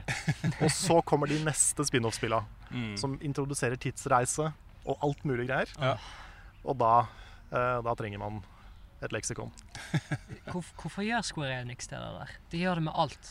Jeg tror det er han eh, Nomura. Mm. Eh, det vil si, de, de gjorde det før han også. Men han er veldig sånn Han får veldig mange ideer, tror jeg, til scener. Og så skriver han seg rundt for å komme til de scenene. Mm. Så det er sånn, Hva om vi har sånn 13 av han bad guyen? Mm. Åssen får vi til det? Og så gjør han det. Ja. Det er jo litt sånn uh, serier med mye law, og intrikat law får jo veldig dedikerte fans også. Mm. så hvis du først er inne i Kingdom Hearts, Ja. eller den type serie, da, og kjenner bakgrunnshistorikken til alle rollefigurene og historikken til stedet du er på, og sånne ting, liksom, Mm. så blir du litt ekstra engasjerte, da. Mm. Ja, det gjør det. Og det er, eh, jeg sammenligna det litt med Doctor Who. Mm. eh, For det er litt samme greia. Ja. At det er sånn så mange år med law, så mye greier. Mm. Og da blir du litt mer investert når du ser liksom sånne Å ja, det kaller tilbake til det som var for ti år siden. Og liksom Mm. sånne ting, da. Ja, men det, det, jeg føler at det er utrolig vanskelig nå å få for eksempel anbefale Kingdom Hearts Mm. til noen nye spillere. Eh, Jeg er glad den collection kom ut på PlayStation 4, men på dette tidspunktet så Hvis, hvis de spør meg om hva spillet handler om, så sier jeg bare jeg er fan fans med Disney-figurer. Ja. Det er jo egentlig det det der. Mm. Det Langbein er og like, ja, like langt og komplisert som et Final Fantasy-spill, eh, hvis ikke mer. Mm. Men med masse, masse Disney-verdener og mm. ting og tang. Så eh, jeg skulle si noe mer, og så ble det borte. Men eh, jeg, kom, jeg kommer til å si ganske mye i den serien. Det vil jeg tro. Så hvis du er nysgjerrig, eller hvis du vil catche opp, eller hvis du har glemt ting, så kan, kan den ses. Mm. Var det noe mer, eller skal jeg fortsette? Nei, jeg, det var sikkert mer, men jeg kan, eh, jeg kan gi ordet til deg. Ja, vi eh, nevnte jo Sean Murray, Murray tidligere i podkasten, og det Mm. har jeg brukt mye tid på eh, i uka som har gått. Mm. Jeg eh, reiste jo på ferie da det kom ut, så jeg, jeg fikk ikke spilt det nå før eh, Jeg fikk spilt det en kveld, og så dro jeg på ferie. Og så eh, har jeg spilt mer etterpå. Så jeg har ikke spilt det altfor langt. Ikke så langt som jeg hadde tenkt til å spille. Men jeg har kommet et stykke på vei. Og det er litt morsomt, fordi rett før utgivelsen av No Man's Sky Next så ga Sean Murray de første ordentlige intervjuene han har gjort siden lanseringen av No Man's Sky Oi. for to år siden. Mm. Hvor han bl.a. også snakka om lanseringen og hvordan det gikk inn på han og, og selskapet og sånne ting. Mm. Eh, jeg jeg syns det var interessant å høre han snakke om det, fordi eh, selv nå, to år etterpå, eh, med utgivelsen av Next, så kommer jo alle disse folka opp igjen på nettet Mm. og sier aldri i verden om jeg stoler på Sean Murray og Hello Games igjen, liksom. De lurte oss. De er på den fortsatt, da. Eh, og det de har gjort etterpå, er jo bare å stille eh, i det stille bare jobbe med spillet. Mm. Gi ut nye oppdateringer, nye oppdateringer. Eh, og det som har skjedd da, er jo at de som har fortsatt å spille spillet, har jo fått utrolig mye content gratis. Det har blitt utvikla seg til å bli et annet spill enn det det var ved lansering. Eh, og No Man's Sky Next er jo på en måte den siste eh, brikken i det puslespillet, for nå har du fått co-op. Eh, de har, eh, de har eh, reworka hele storyen osv. Så, videre. så de har gjort mange ting da, som eh, gjør det til en mer komplett spillopplevelse. Jeg er, litt, jeg er drittlei altså, å høre folk klage på lanseringa der. Fordi det er ingen tvil om at Sean Murray oversolgte det spillet i intervjuer på for, Mm, mm. forhånd. Nei, det gjorde han. Det ingen tvil om det. Hvor, hvor mange ganger må han si unnskyld, og hvor lenge skal han liksom trygle om tilgivelse Mm. for det, tenker jeg. Mm. Ja. Jeg føler jo dette her, No Man's Sky Next, er jo på en måte hans redemption. Det er, Det jo, er det. det er nå spillet er det, på, i hvert fall på veldig mange måter, det han Mm. sa det skulle bli. Ja. Og da er det på en måte på tide å gå videre, altså. Mm. Mm. Ja, for det Konseptet i seg selv er fortsatt amazing, syns jeg. Uh, og du ser også nå um, jeg var veldig nysgjerrig på å se hvordan det gikk med lanseringa, fordi uh, det har jo et rykte på seg som ikke er helt bra. Mm. Uh, men det har jo vært det mest solgte spillet på Steam den siste uka. Eh, det, har rundt, det har hatt opp i en million samtidige spillere Wow. uh, på Steam. Og så det, det er svært, altså. Uh, så det, det er redemption. Ja. Virkelig. Uh, men det jeg kan si om spillet, da, det er jo at jeg starta på nytt. Jeg gikk ikke inn i min gamle save med mine 60 millioner credits, eller unis, eller hva det kalles. Credits heter det. Jeg ville starte på nytt. Og de har starten på spillet har blitt så mye både verre og bedre. Oi, Og OK. så er det mye mer riktig start på spillet. For du blir plassert på en eh, planet. Det har jeg prøvd mange ganger. Jeg ville prøve å finne en planet som, eh, som ikke var toxic eller et eller annet. Mm. Uh, men jeg, det virker som de har bare bestemt seg for Ok, den første planeten du kommer på, uh, den, den skal være kjip. Så her er det enten radioaktivt, eller det er veldig kaldt, eller altså Helsa di og skjoldet ditt går ned hele tiden. Du må hele tiden bare finne ressursene. Du har litt dårlig tid på deg. Du må planlegge, liksom. Uh, og så har de vært flinke til å eh, lede deg inn på riktig path.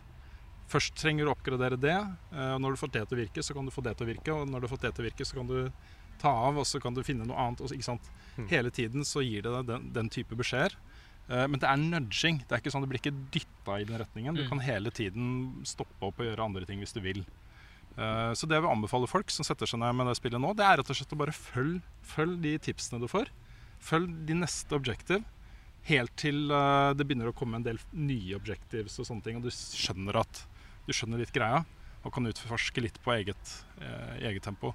For mitt prosjekt nå, det er jo Jeg har fått warp drive, så jeg kan reise gjennom solsystemer.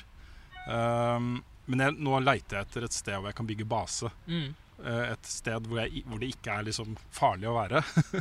og det er litt pent å se på og sånne ting. Uh, skal jeg bygge en solid base, og når jeg har gjort det, så skal jeg skaffe meg en freighter.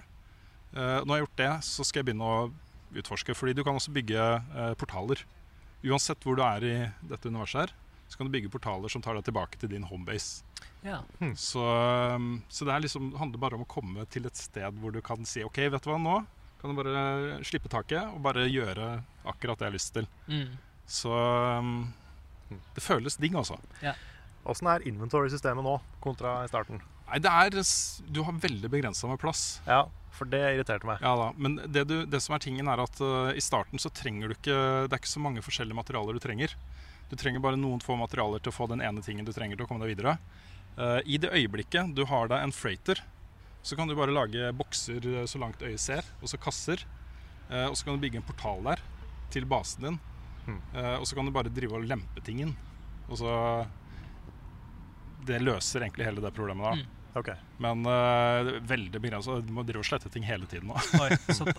Så uh, nå har jeg ikke noe bra uh, Noe bra utstyr eller skip, eller så jeg har ikke så mange lagringsplasser heller tilgjengelig. Nei. Så, men du kan også installere uh, storage modules som tar mer plass, da, eller som uh, rommer mer, på skipet ditt f.eks., og på drakta di. Uh, det har jeg heller ikke fått gjort ennå. Så, så kanskje litt bedre. Men, uh, men dette er jo som Minecraft også, liksom. Et, et spill hvor ressurshåndtering er ganske viktig. da hvor du gjerne må gå ut etter noe spesifikt for å, for å Når du skal farme. Mm. At ikke du skal bare ta med deg alle de skinnende tingene du ser. Ikke sant? Det, det er noe spesifikt du trenger. Ja. Være litt sånn ressurs... uh, ja. Mm. Litt sånn managing. Jeg husker at jeg forelsket meg litt i det når jeg spilte Diablo Ja. første gangen. Da var det faktisk litt kjekt å bare ah, En juvel her, armor her, ding, ding, ding. Mm. Nei, men Det er mange sånne quality of life-forbedringer der. Også. Blant annet så kan du også endre på utseendet ditt. Det er jo så utrolig stilig sånne eh, 50-talls sci-fi-drakter de har lagt inn der. liksom Med masse forskjellige fargekombinasjoner og alt mulig rart. da Så det er mange sånne stilige ting man kan gjøre. Jeg så et sånt promobilde som, hvor de hadde de draktene og sånt. Og det så med en gang ut som et litt annet spill, Ja, det de gjør det, altså. Og det er fortsatt sånn. Jeg har jo eh, vært eh, sånn eh, jevnlig innom uh, eh, No Man's High, okay. subredditen, Mm. hvor folk egentlig stort sett bare poster bilder. Ja. Og det er så, det er så mye kule bilder. Stilige bilder. Det er sånn derre Ja. det ser lekkert ut, altså. Hvordan har responsen vært på at det faktisk er multiplayer nå, da? Det er veldig bra. Eh, veldig bra. Så, og det er jo Nå har jeg ikke spilt i Coop selv ennå, det skal vi gjøre i kveld. Mm. Mm. Så skal streame. Så eh, den streamen ligger vel også ute på YouTube-kanalen vår eh, når denne podkasten er ute, tenker jeg. Det gjør nok. Ja. Så da tenker jeg at vi kjører gjennom starten. Men jeg er veldig spent på om det er- funker så bra som folk sier det gjør. Mm. Fordi eh, jeg tenker at OK, det er, no, det er noe med den, der, den ensomheten man følte da, da spillet kom, i Mm. dette enorme universet hvor du var helt alene, liksom. Uh, den, det hadde noe for seg. Ja, men det, sånn var det med Minecraft òg. Ja. Så det, det, jeg tror det kommer til å bli litt det samme. Mm. Jeg husker spesifikt når jeg spilte Minecraft første gangen, og så kom musikken inn. Mm. Da følte jeg meg Og så var jeg i en mørk skog, og så Da følte jeg meg så Da er det nesten sånn at jeg logget ut. Mm. Men nå, nå i seinere tid er jo musikken veldig Altså det er blitt veldig koselig, og den Mm. verden der Når du bygger deg et hus og, og du får ting på plass, da så slutter du å være skremt, og så tenker du bare ah, Så koselig. Mm. Mm. Eh, kan nevne en, eh, en liten sånn uh, greie fra No Man's Sky før jeg går videre til neste spill. Um, og det er at de har lagt inn Jeg vil ikke kalle det easter eggs, men noen nye ting som er utrolig stilig. Uh, og en av de tingene jeg har lagt inn, er noe som de kaller uh, uh, whispering eggs og humming eggs. Mm. Eh, ofte rundt abandoned bygninger og sånne ting. Eh, og hvis man har sett Alien og Aliens, så skjønner man kanskje litt altså man, man, det, føles ikke, altså, det føles ikke ut som det hører hjemme der. Og det føles ikke ut som noe du bør kødde med. Mm. Nei, jeg ville ikke kødda med et egg som hviska. Nettopp. Nei. Og jeg tror altså alle jeg, jeg skal ikke si hva som skjer, da, men jeg vil bare mm, oppfordre folk til å prøve å ta de eggene. Okay. Det er liksom eh, den følelsen eh, jeg fikk da. Da, var- da var jeg inne i en sci-fi horror. eh, Så det, det er litt sånn Grief-Rune som sier 'gjør det'. Ja ja. eh, bare sørg for å ha et, et save-punkt ikke for langt unna. Ja, skjønner, skjønner. Man kan døve i No Man's Sky, sant? Ja, når du går, Hver gang du går ut av skipet ditt, så lagres det. Ja. Eller også er det noen sånne punkter da, rundt omkring som du kan uh, lagre på. Mm. Så, eh, så det er ikke så komplisert. Nei. det er, og i tillegg så er jo alt gearet ditt er jo tilgjengelig på den sted, det Ja. stedet du døde. Skjønner. Så eh, ja. Nei, jeg har lyst til å spille her i Permadeath uh, og Survival. Ja, jeg hørte at det var en ting òg. For det, er, det tror jeg hadde vært kult også i co-op. Mm. Tre-fire stykken. Se hvor langt man kommer. Ja. Ja. Greit. Det andre jeg har spilt, er eh, også det har kommet et nytt event i Destiny 2. Eh, nå driver de og gearer opp til, eh, til Forsaken i september. Og først så slapp de jo en, bare helt plutselig, en ny Quest som tok deg inn på områder som bare var helt fantastiske. Hvor du fikk da en, en versjon, også en ny versjon av Black Spindle, som var en sniper-rifle fra Crota-raidet. Eh, så lenge du får crits, så får du evig ammo. Så, eh, og Questen i seg selv var dritkul. Eh, og så kom da det eventet som heter uh, Solstice of Heroes, tror jeg. Jeg vet ikke helt hvordan man uttaler det. Mm. Eh, som jo er en sånn eh, moment of triumph, hvor du skal gjøre en hel masse forskjellige greier for å få eh, For å få eh, et armor set og et skip og en del sånne ting. da en avrunding av eh, Destiny 2 før, før Forsaken. eh, og du kan da ende opp med å gå inn i Forsaken med eh, 405 power level istedenfor 385, som er maks nå. eh, ved å få dette settet her. Mm. Og det de har gjort der, er at de har- tatt fem av oppdragene fra Destiny 2, og så har de remixa det. Og det høres ikke så fett ut som det faktisk er, da. Fordi de har remixa det på så utrolig kul måte. Ofte så har det vært sånne områder hvor eh, også Når du kjenner området ganske godt, og eh, missions og sånne ting, så har du en forventning om hvordan det skal være, og så er det bare noe helt annet, helt annen type fiender osv. For å ta ett eksempel, så er det det oppdraget hvor man eh, får den første Shard of the Traveler. Som er eh, Du får også superen din tilbake og alle de regenererende granater og alle de tingene der. Um, når du kommer opp dit, så er det en kjempestor sånn servitor. En sånn ball som svever i lufta. Tenker jeg, ja, det var en stor boss, men det er jo lett. Jeg har tatt mange servitors eh, før, liksom. Så man går ned fort, da. Men det som skjer der, er at det multiplies da, til fire mindre. Og når du tar de, så, så deles de inn i fire mindre. Så til slutt så er det 16 sånne bitte små servitors. Og fullstendig fuckings kaos. Det blir litt sånn what the fuck. Ja, man løper jo liksom. bare rundt og rundt og prøver ikke sant, å ta én og én. ikke sant? Eh, utrolig gøy, altså. Kjempemorsomt. Noe av det morsomste jeg har hatt. eh, de, de fem missionene der var noe av det morsomste jeg har hatt eh, i Destiny 2 på eh, PVP, PVE-siden. Så Det, det er bra at Bungie gjør sånt. Altså, altså Destiny 2 spesielt har føltes som et slags sosialt eksperiment, hvor de har feilet så sinnssykt mange De har ganger. feila. Mm. Og, og da er det på en måte ganske lett å resignere som Mhm. utvikler og tenke at fader, også, det her blir for tungt. Ja. Så komme og grave seg ut av dette. Hvordan skal vi få til det, liksom? Litt sånn tilbake til No Man's Sky, kanskje. Men, eh, ja, men jeg er litt, jeg er litt stolt altså, på deres vegne Mm. at de følger gjennom med sånt. Fordi i disse dager Spill som, som media har forandret seg så mye. Når man lanserer spill nå, så er det faktisk nesten sånn at folk forventer Altså Vi får spørsmål hele tiden, nesten daglig. Ja, Når kommer det mer content til Alboy? da? Og, altså, det, det er utrolig rart med tanke på at det er et spill som som ikke engang Altså, det er storybasert. Mm. og- Ja, Singleplayer storyspill, liksom. Det, Ja. Sant? Men allikevel så er det en ting som folk faktisk sitter og forventer nå. Mm. Det, det har faktisk fristet utrolig mye å legge inn nye ting. Og Shovel Knight var vel en av de første som jeg husker at der Altså Der expander de spillet på en sånn måte som jeg virkelig kan digge. liksom. Mm. Mm. Um, Du har jo sånn som God of War, da, som bare sa bare nei. Ja. Ja, med en, gang, med en gang bare nei, Ja. så folk eh, slutter å mase. Mm. Det er en bra strategi. Ja, spillet er ferdig. Ja. Liksom.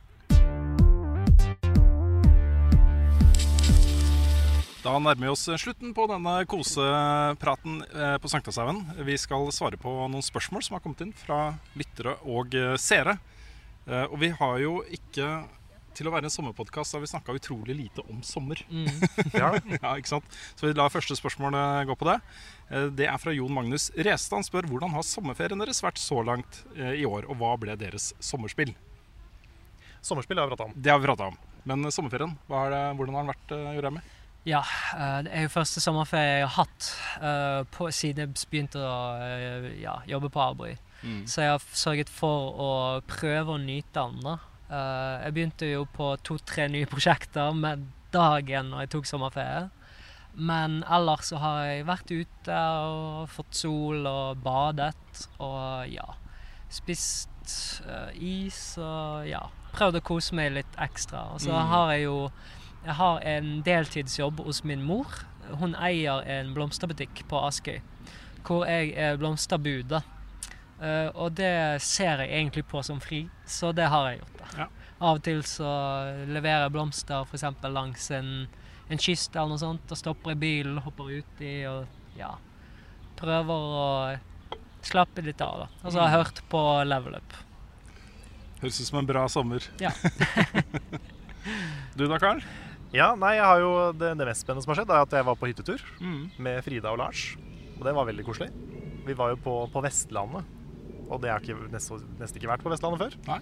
Det er pent der, altså. Veldig pent. Ja. Og det var, det var en sau og en hest som var venner.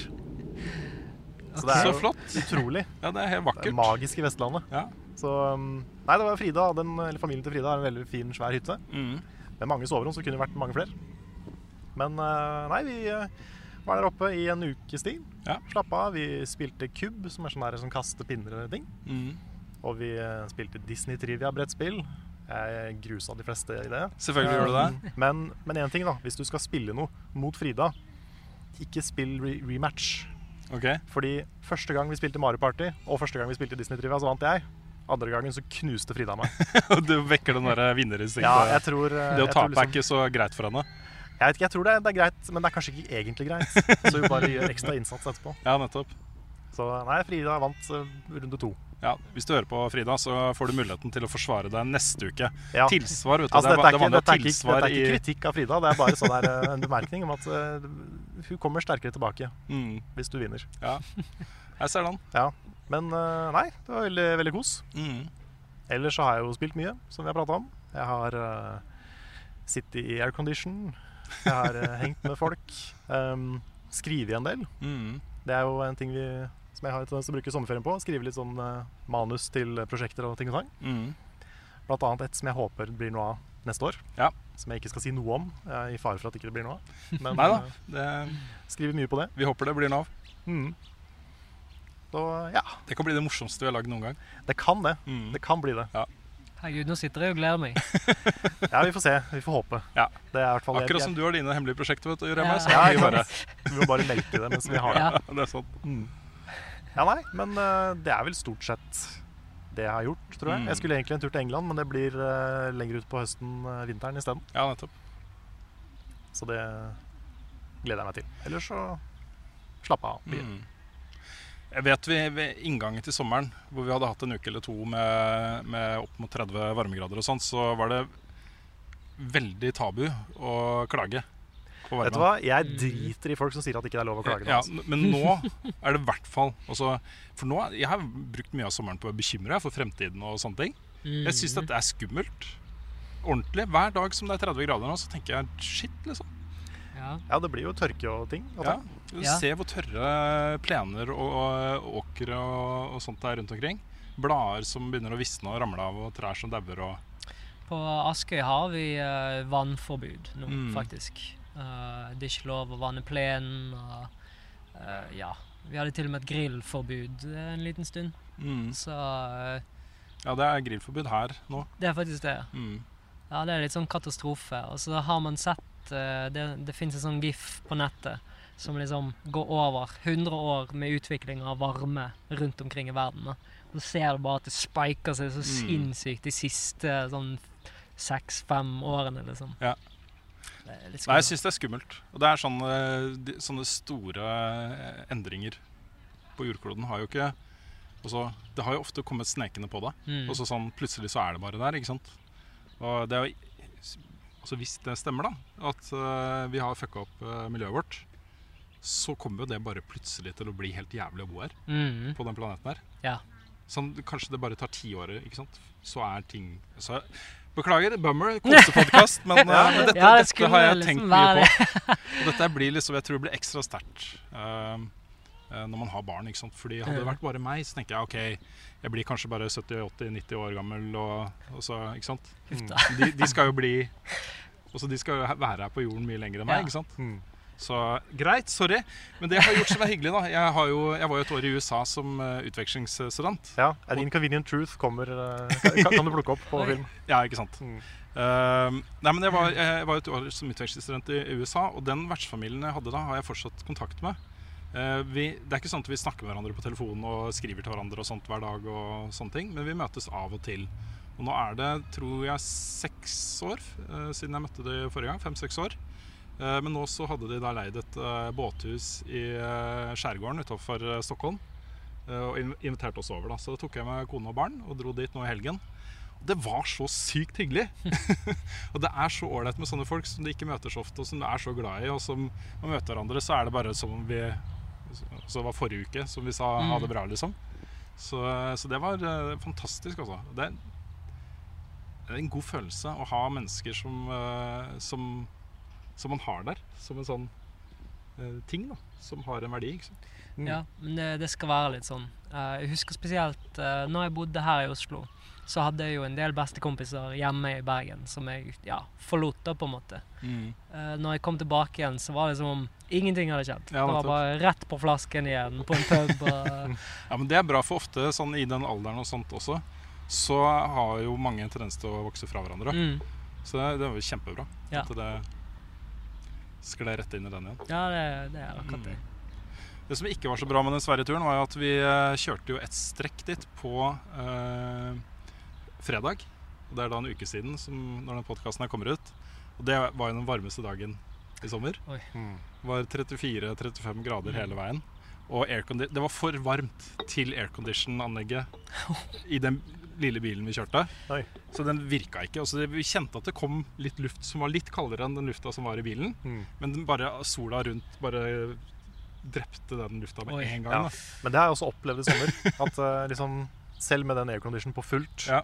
så er det bare Det er 40 grader inne. ja, nettopp. Det går ikke, ass. Nei, det går, det går faktisk ikke. Så vi brukte jo Det tar jo seks timer cirka å kjøre til Stockholm. Mm. Vi brukte elleve. Oh, Jesus! Vi måtte bare stoppe. Vi stoppa og tok et bad, og vi gjorde sånne ting. da Spiste is og Det var bare helt umulig å kjøre særlig lenge om gangen. Ja, nemlig. Vi satt inne i en sånn der ovn. Bakerovn. Ja. Ekstrem sommer, altså. Ja, Men eh, virkelig. altså, jeg er glad nede. Vi har, vi har hatt tre år med konstant regn i Bergen. Mm. Så jeg har, jo, jeg har jo hatt grill ute på altanen som ikke har vært fyr i på Jeg kan ikke huske sist. Så jeg, eh, jeg kan ikke klage. Jeg, altså, jeg føler at jeg Ja, ja, og så må jeg jo si at jeg syns det er også den følelsen av at åh, nå er det så varmt at jeg holder på å daue, og så stupe ut i, i sjøen, hvor det er kanskje 21 grader. Den følelsen er kanskje en av de aller beste i verden. Ja. Plutselig så er alt bare kjølig og nice igjen, liksom. Ja. Åh, det er digg, altså. ja. Helt fantastisk. Har du bada noe særlig i sommer, Karl? Jeg er ikke noe glad i å bade. jeg. Åh, Så det er, øh, det er bare, sommeren er bare kjipt for meg. Jeg klager ikke på liksom våren, høsten, vinteren. Det er helt greit. Men sommeren, da klager jeg. Ja. det, jeg syns det er lov. Ja, det er, øh, det, jeg tar min rett til, Mm. til å klage. Så hadde jeg en veldig fin uke hvor, uh, hvor dattera mi var på eh, feriekoloni. Eh, kona var på jobb, og så er det jeg og sønnen min. da, Bare oss to. Og han, han er som meg. Og så Han kan godt sitte inne og spille hele dagen, eller se på YouTube eller et eller annet. Ehm, og det kan jeg også. Ikke noe problem med det. Nei, det er greit, det. Men da hadde vi sånn Vi satt hjemme til sånn 12-1. eh, og så, bare fordi at jeg ikke skulle få kjeft av kona når hun kom hjem, så stakk vi ut og bada eller jo- gjorde et eller annet. da Eh, Men det var også en veldig fin uke. ja. Det var hyggelig. Det, det er så sommerferievibber at det Ikke sant? skal være sånn. Mm. Mm. Og så syns jeg det har vært gøy å lage denne podkasten her, så jeg klarte ikke å legge bort jobben helt. da Nei. Så Det, det er òg den tingen som vi har merket på kroppen. Med en gang vi bestemte oss for å ta sommerferie No way. Det går ikke. Altså, det går ikke an å stoppe kreativitet. Altså, som oftest, faktisk, når man tar ferie, mm. det er da man kommer på de rareste ideene og de mest originale Mm. konseptene. Mm. Det er helt sant. Ja. Jeg har fått to ideer i sommer som er for gode, som, Ja. som vi må bare gjøre noe med. Ja. Så yes. Men, det er litt rart å ta ferie når du jobber så liksom kontinuerlig og intenst som det vi ofte gjør. da. Mm. Så plutselig så er det ikke der. Ja. Det er nesten man blir liksom deprimert de første dagene. For Ja. sånn, hva, hva, gjør, hva gjør man nå? Hva er Stirrer nå? på veggen. Ja, sånn, hva, vi- hvordan er det å ikke ha noe man skal gjøre? Ja. Og så etter hvert så finner man tilbake der. Å ja, nå kan man kontakte venner, og nå kan man finne på andre ting. Ja. Og det er sånn, Mm. da, da er det greit. Og da blir det koselig. Men eh, den første overgangen, den er liksom brå, altså. Den er det. Har du et eh, spørsmål borte hos deg, Karl? Ja, jeg har, skal vi se, Jan Martin Andersen har egentlig han har flere spørsmål. Vi kan ta det første. Eh, Spørsmål til Juremi. Hvordan har mottagelsen fra det store utland vært på Owlboy? Og har de hatt, har de hatt noen større interesse slash intervju som folk tok til seg og gjorde så de fant Owlboy? Ja. Um, mottakelsen Altså, det, det husker jeg faktisk at jeg snakket litt om i, uh, i en tidligere episode med dere. Dere var jo de som faktisk ehm, springbrettet, holdt jeg på å si, Owlboy i Norge, da. Uh, vi, vi hadde jo ikke Det var ingen som visste hvem vi var før folk liksom oppdaget eh, det nye Spill-Norge. Plutselig, uh, plutselig Altså, i utlandet så er vi kjent som Owlboy-gutter, da. Mens her i Norge så er vi kjent som Å ja, det var dere som var med på VGTV. Ja, dere, ja. Så det er liksom Men mottakelsen på Owlboy har vært skikkelig bra. Um, men vi merker det mest i utlandet. Eh, her, i, eh, her i Norge så merker vi det liksom ikke noe særlig. Jeg tror 0,5% av salgene våre stammer fra Norge. Og vi, vi ser på oss sjøl som et veldig internasjonalt Mm. selskap. Når vi, når vi sitter og preiker med hverandre, så preiker vi som oftest på engelsk. Mm. Og vi, vi er mye i USA, og vi tok en roadtrip for å promotere. Og det, det har vært litt sånn um, Altså Mottakelsene har vært helt fantastisk. Det første som skjedde, det var det at vi ble invitert på Dice, som er en eh, ganske, ganske sånn prestisjefylt um, industrisamling. da der blant annet så møtte jeg han eh, Jeff Kaplan. uh, han som uh, Ja, det er vel han som har styringen over Overwatch. Mm. Og vi skremte han så salig. Dere har jo sett Simon, og konen til Simon er akkurat like høy som Simon. da. Og de er litt sånn, litt sånn brautende. Begge to er sånn to meter høye. Uh, og så skulle vi gratulere han. Vi var jo nominert til en pris, så skulle vi gratulere han. Og han bare! Til slutt som bare- jeg, jeg tror han trodde at vi skulle over... Han er sikkert vant med sånn skrikende fans og sånn, sant? Eh, Eh, så det var veldig tidlig. Og så eh, gikk vi videre til, eh, ja, til GDC og til Austin på eh, South by Southwest. Og vi gjorde liksom en litt sånn rockebandturné, da. mm. Og overalt hvor vi gikk, så ble vi nominert til nye ting. Og vi valgte å gjøre det i USA istedenfor Norge, fordi Mm. uh, vi, fanskaren vår, det er der det er, liksom. Så jeg husker ikke andre del av spørsmålet. Uh, Var det noe spesiell uh, intervju eller noe dekning i noe spesielt medie som hjalp dere ekstra på vei Som ut? det, var det, jo. det, internasjonalt. det, det nevnte jeg jo. Altså, det var jo dere, selvfølgelig, men det var jo mer lokalt, da. Mm. Um, internasjonalt så gjorde vi eh, et intervju med Wise. Um, eh, hva var det han heter? Patrick Klepek. Han, Mm, ja. han skrev for uh, Kotako før, syns jeg husker. Ja, men, men i hvert fall sett navnet hans på Kotaku. Um, hvor de skrev en veldig lang sånn Ikke tirade, men artikkel om om Alboy, hvor lang tid det hadde tatt, hva vi satt og forventet av liksom, utlanseringen da. Og jeg husker når jeg leste den, da fikk jeg liksom følelsen av at shit, nå begynner det å bli legit her. Og da Mm. ble det litt sånn åh, åh, åh. Nå begynner det å bli seriøst. Men ehm, Nei. eh, den, den største, det største øyeblikket vi, rett før vi lanserte Alboy, det var jo Frida sin anmeldelse. Så da fikk jeg faktisk tårer i øynene Mm. når jeg satt og så på den. Så den stå, vi hadde akkurat kjøpt oss en sånn storskjerm, så vi, det var ja. mer eller mindre det første vi fyrte opp der. Så Jeg husker godt det døgnet eh, da dere lanserte, Ja. altså den uka egentlig. eh, hvor man kunne på en måte være litt med dere eh, foran PC-en. Mens Ja. dere satt og så på streams og dere satt og Mm. leste anmeldelser, og dere var liksom tok imot da, Ja. den bølgen av, eh, av glede liksom, som dere hadde spredt utover hele verden. den varte i ett minutt for min del. Uh, vi fant ut at uh, ett minutt inn i lanseringen så var det allerede game-breaking bugs. Så flott, da. Så jeg hadde drukket et par glass whisky, og så satte jeg meg ned og programmerte sammen med Henrik, som Ja, er andre programmøren på vårt. da. Mm. Uh, hvor viktig er Metacritic for dere? I, ikke viktig. Nei, for det er gjerne publishere kanskje som eh, henger seg veldig opp i det. Ja. Mm. Uh, Metacritic har Det har ikke hatt noen ting å si uh, for oss. Uh, jeg vet at vi ligger rimelig høyt. Um, men um, det er Steam User Reviews som har hatt mest å si. Fordi um, den, den brukes så ofte Til og med jeg bruker jo Altså det er en veldig sånn shallow ting å gjøre. For at folk klager jo på det meste. For eksempel No Man's Sky Mm. har jo fått så mange negative reviews at herregud. Jeg, skulle, altså, jeg skulle ikke egentlig ha sett det der, der i det hele Mm. tatt. For at jeg vet at No Man's Sky nå er på et sånt nivå hvor de reviewsene der Ja, De har lagt inn en ny funksjon på Steam, eller ny og ny, uh, som hjelper på sånne ting. mm, Så nå kan man jo se uh, snitt for forrige uke, Ja. og så for nye. Mye Mm, bedre. Ikke sant? Mye bedre. Så den har gått fra å være mostly negativ til å være mixed. Ja. Og det er jo fordi eh, herregud. Det er fordi liksom alle, Ja, de gamle har lagt inn nye reviews. eh, Å, ja, 90 faktisk. av de nye er veldig positive, ikke sant? Ja. Shit. Mm. Ja, nei Så eh, snittet er mixed. Ja. Nei, jeg, jeg har mer uh, Istedenfor å se på Metacritic, så har jeg sett på indivi individuelle reviews. Mm. Nintendo Life, det var en helt stråle. Og den, den fikk vi til og med mange muligheter for når den kom ut. da Mm. For at de er veldig offisielle.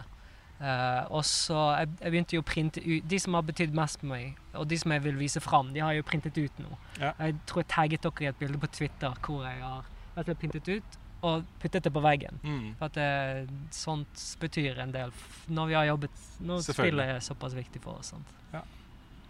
Jeg har et uh, spørsmål her som, uh, som vi kan både eh, komme et klart svar på veldig umiddelbart. Det er fra Jostein uh, Rajesh Johnsen. Mhm. Har dere tenkt å oversette Alboy til norsk? ja. For det har dere gjort. Ja. Det har vi gjort. Det var jeg som gjorde det, og det var grunnen til at det var så treigt. Okay. Beklager det. Eh, men uh, det jeg originalt hadde lyst til å gjøre, var å skrive det på dialekter. Ja. Sånn at hver, eh, forskjellige figurer hadde forskjellige dialekter. Ja. Men da hadde nok Språkrådet kommet på døren og ja, uh, gitt oss litt sånn trøbbel. Så Hmm. jeg bestemte meg bare for å skrive det på bokmål. Men det tok veldig lang tid, fordi jeg har jo skrevet um, ca. halvparten av dialogen sjøl. Og når jeg hører de karakterene og stemmene oppi hodet, så har jeg ikke lyst til å direkte oversette det. Jeg har lyst til å faktisk gi de en, en egen karakter. da. Mm. Og da tok det litt ekstra tid å naile det der. Men et annet ønske jeg hadde, det var faktisk uh, lage en trailer med stemmeskuespillere. Ah. Um, Dere vet han der uh, Han som har altså norske stemmen til nesten alle sånn Disney-villains opp gjennom tidene. Eh, han hadde jeg lyst til skulle ha ha stemmen til han Asio, da, som er en sånn gammel, gretten lærer... Tenker du på Nils Oloftebro? ja, Ja. visst! Oh. Jafar. Jafar, ja. Selvfølgelig. Jafar. Jafar er jo amazing på norsk. Ja. Jeg hadde så lyst til å lage en sånn kort snutt, sånn ett minutts snutt, hvor han bare ehm, forteller i sin stemme. Ja, ja. Sånn, Han kunne vært, han kunne vært en bra Asio. Ja. Jeg ser det på meg. fortid. Mm.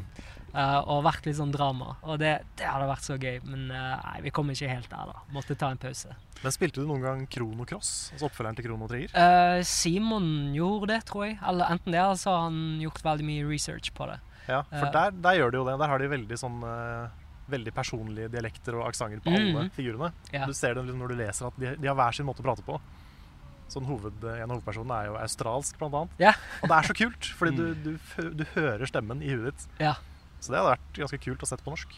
Ja, sant. Eh, det, det, jeg, satt med et sånn inderlig ønske, men kanskje når vi kommer sånn tiårsjubileet, 20-årsjubileet, hvem vet. Ja, Owlboy ikke- Dialect Edition. Ja! det er litt sånn rart. Altså, nå ser vi så mange spill som kommer med sånne remasters og sånn, sånn som Shadow of the Colossus og ting som de bare, ja, skriver nesten helt på nytt, sant? Mm. Det er godt mulig at på et eller annet tidspunkt så så slutter vi å fordra Alboy og begynner å, å tenke på å lansere det i en ny, ny drakt. da. Men nå vil vi kun jobbe på noe nytt. Selv, selv om Alboy har vært en, en stor del av livet vårt, så Men også det, en ting som er litt kult uh, der, da, hvis dere noen gang eh, får lyst til å vende tilbake til det universet, er jo at det er et ganske voksent uh, og modent univers mm, med uh, elementer som gjør det mulig å lage en ny historie mm, som ikke er helt det samme liksom en gang til. Ja. Fordi det er ganske avansert da, med flere lag. ikke sant? Ja. Mm. Og Da er det mye lettere å kunne vende tilbake og så bare fortelle en helt annen historie. Litt sånn som eh, Rain i, i eh, Bergen gjør med, med World to the West og Mm. Tesla Grad. og mm. sånne ting, Hvor du forteller helt nye historier med helt nye rollefigurer. Men det er links, ikke sant? Ja. Det er i samme univers. Det er delt univers. Mm. Mm. Det, det, er, det er jeg veldig stor fan av, egentlig. Um, og vi har jo diskutert mye hvordan kan Alboy henge sammen med fremtidige prosjekter og sånt. Men eh, ja, det vil ikke gå altfor langt inn på, men vi, vi har som sagt altså vi, Når vi har et såpass un godt univers, Simon er ekspert på å lage sånne ting, så er det godt mulig at vi tar det i bruk på et eller annet tidspunkt. Mm. Mm. For det kan jeg nevne, det er veldig mange som spør om det kommer Alboy 2. Det kan de bare slutte å spørre nei, det, nei, det gjør det nok ikke. Men Um, er det, er det litt sånn særnorsk at, eh, at um, Fordi uh, Krillbite også, ikke sant? Mm. De hadde jo eh, De hadde jo Among the Sleep. Ja. Hvor man lett kunne se for seg at det neste spillet lagde, var noe som ligna litt. Ja. Fordi det er det de er kjent for å gjøre. Ja. Men isteden kommer de med mos- mosaikk, som er noe helt annet. Eh, og det samme med dere også, som vurderer å gjøre noe helt annet. Ja. ikke sant? Er, hvor, hvorfor er det sånn? Er det, ikke, er det ikke mer økonomisk lurt å bare gjøre det samme en gang til? Det er nok fordi um, Utviklere her i Norge er indier for det meste. Mm. De har ikke um, publishere som trekker i trådene. De har, vi har ikke investorer. Vi har liksom uh, hadde, hadde vi hatt en investor, de hadde sett Alboy salgsnumrene, så hadde de sagt Alboy 2, here we go. um, det er ingen i Norge som har det, så vidt jeg vet. Um, det er på børsen, vet jeg, men hvor mye de har i investorer. Men, men de driver jo med mye sånn Altså, de bruker jo trademarks, liksom. Mm. Sånn som type Konan og Lego og sånt. Ja. Så der kan man egentlig se at der uh, Der bruker de nok de, de um, Den varemerken der, sånn at det selger litt ekstra bra, da. Mm. Heldigvis så lager de bra spill, så. Ja. Men, uh, men sånt kommer nok aldri sånn studier som oss uh, til å gjøre. Mm. Så derfor så har vi lyst til å være litt mer kreativ enn å komme igjen inn i en sånn syklus hvor mest sannsynlig ting kommer til å bli drit, da. Mm. For å ta den litt videre, da. Uh, en ting som, uh, som mange spør seg om, det er jo Eller spør seg. Det er jo eh, ha, altså, Hva er fremtiden til den norske spillindustrien? Fordi um, jeg ser jo at det koker rundt omkring. Mm. Altså det er eh, eh, Teams får muligheten til å utvikle seg, blir flinkere, eh, får erfaring med prosjekter osv. Jeg tenker at på et eller annet tidspunkt så må noen slå, slå ordentlig gjennom Ja. med en sånn mega ti millioner solgte eksemplarer-suksess. Uh, og staffe opp og, og sånne ting. Tro, hvor langt unna er vi det, egentlig? Det er umulig å si. Altså, det, det der, er så um, Det er så vanskelig å si hva som slår an. Men som designer så tror man kanskje av og til at ja, dette kommer til å selge bra, dette kommer ikke til å selge bra, og bla, bla, bla. Men uh, hvem hadde visst bare for noen år siden at pub skulle bli en ting? Mm. Um, Ja, for det er litt det jeg mener, fordi det som skjedde i Sverige det Mm. var jo, Nå går jeg grovt gjennom historien til Sverige, jeg kjenner Mm. den ikke i detalj. da Men da fikk de plutselig et par sånne svære megasuksesser. Ja. Og det som skjedde var jo at de begynte å ansette masse folk. Og når de hadde støvsugd ferdig liksom alle de flinkeste utviklerne i Sverige, så begynte de å hente folk fra utlandet. ikke sant? ja. Og så begynte skolen å komme på bane. Og fordi nå ville jo folk bli spillutviklere. De ville jobbe hos Dice og de ville jobbe hos Massive og Ja. disse selskapene. ikke sant? Fikk de kjempebra utdanningstilbud. Mm. Og så kom investorene på banen. Ja. Ikke sant? Og så vokste industrien ut fra det. da. Ja. Mm. Det trenger vi i Norge også. Eller i hvert fall så hadde det vært spennende å se. da. Jeg tror det hadde vært veldig spennende, bare fordi det hadde shaket ting opp litt. da. Mm. Uh, men sånn som sånn, den sakte snowballingen som vi har nå, er jeg egentlig ganske stor fan av det. Ja. Uh, jeg føler veldig Jeg, jeg har møtt de aller fleste uh, i Norges spillindustri nå, eh, som driver med ja, sitt, sine egne ideer og sånt. Og det Ambisjonsnivået er jo der. Mm. Det er bare det at vi um, Skynder seg langsomt. Ja, det er langsomt, sant. Mm. Um, men jeg, jeg liker det sånn. Um, jeg vet at på et eller annet tidspunkt så kommer det til å være en sånn breakout. Jeg, jeg vil si at Conan Exiles er sånn På er På Jeg holder Funcom litt utenfor, da. for de har jo vært store lenge. på en måte. Ja. De, ja. Da er ikke det, det er ikke lett å peke på noen Nei. i dag og si at dere blir store. Sånn, til og med, altså vi, vi driver jo òg med nisjespill, sånn strengt tatt. Sant? Selv om det, selv om det er Selv om vi har et veldig stort ambisjonsnivå. Så altså Alboy Alboy har gjort det mye bedre enn jeg trodde det kom til å gjøre. Mm. Så det gjelder bare å sitte og se da, om det er noen som kommer på en idé som tar verden med storm, og det, det kan skje helt plutselig. Mm. Jeg har funnet et spørsmål som er litt relatert. Vi har snakka litt om det allerede, men Markus André Lie spør hvordan er livet som indie-utvikler i Norge? Jeg er ferdig utdanna 3D-spilldesigner som var heldig nok å få, få meg en 3D-jobb rett etter studiet. Da var, han, da var han heldig, for det klarte ikke jeg. Nei, da er han drittheldig. Ja, Eller veldig, veldig flink. Ja. Eller begge deler. Uh, jeg kan si med en gang Jeg er nok den eneste i min klasse uh, når jeg gikk ut fra skolen, som endte opp i spillindustrien. Eh, utenom, utenom én. Han var den beste i klassen som fikk jobben på Funcom. da. Ja, same. Ja. Altså Eh, ikke, jeg fikk ikke jobben på Funcom, men det var en- det var én kanskje som fikk. en, en som liksom ut, utpreget seg litt, sant. Mm. Um, så det at han allerede har landet seg i en jobb, det, det er bra. Men det, det begynner òg å åpne seg i Norge. Når jeg, når jeg uh, gikk ut, så var det ingenting. Jeg flyttet jo til England. Jeg skulle jo jobbe på Lionhead Studios.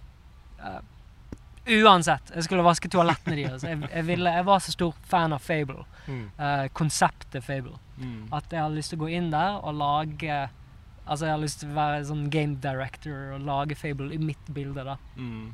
Jeg fant jo ut at det var umulig veldig fort. Men jeg bodde i England og besøkte Lionhead og så hva de drev med. Og Lå i buskene til Peter Molyneux. ja! Tok litt sånn bilder og uh, sendte fan-mails. Så nei, jeg var ikke så gale. Men, uh, men jeg var veldig besatt av å jobbe med spill. Mm. Um, Det er morsomt, Vi hadde jo Martin Kvaløy for uh, noen uker siden. Mm. Og han, uh, han sa jo at han prøvde å få jobb i Funcom. Ja. Så hva som helst, vaskehjelp eller eh, postbud eller hva, hva som helst, bare komme seg inn. ja. Litt samme historien. Ja, sant. Og nå så jobber jo han på eh, kanskje 20 prosjekter samtidig. Han har jobbet seg sakte opp, sant. Uh, han har jo jobbet på Det nevnte han ikke sist, når han ramset opp spillene han har jobbet på. Han har jobbet på Alboy. Ikke sant? Det sa han ikke. Men ehm, Men eh, så Jeg syns nå bare det at eh, hvis man skal begynne, så er det egentlig bare til å begynne. Jeg, jeg pleier å Det var sånn jeg tok, fikk kontakt med Simon. Um, jeg viste ham bare de drittspillene mine som, uh, som jeg hadde lagd på fritiden. Og jeg var kanskje den eneste Og jeg, jeg var utrolig dårlig på å programmere. Jeg kunne ikke 3D-grafikk. Jeg var ikke noe artist. Men jeg lagde i alle fall ting, da. Jeg lagde prosjekter som ikke var så bra, kanskje, men som illustrerte det at jeg jobber. Og da sa Simon ja, OK, jobb på Albury. Og så begynte vi bare å samarbeide og lage, lage vårt eget studio, da. Mm. På samme tiden så fant jeg ut at det er flere indiere i Norge, og så begynte vi liksom å ja, komme litt sammen, da. Nå ser jeg veldig for meg Simon si ja, OK, jobb på Owlboy. Ja! det, var vel egentlig, det var vel egentlig jeg som tryglet om å få jobbe på det. Uh, mer eller mindre. Fordi jeg, jeg, jeg reiste til England uken etter at jeg hadde møtt Simon. Det var veldig tilfeldig, og det var, før, det var hos Rain, faktisk. Meg, både meg og Simon skulle jobbe på et prosjekt for Rain, eller det som ble Rain.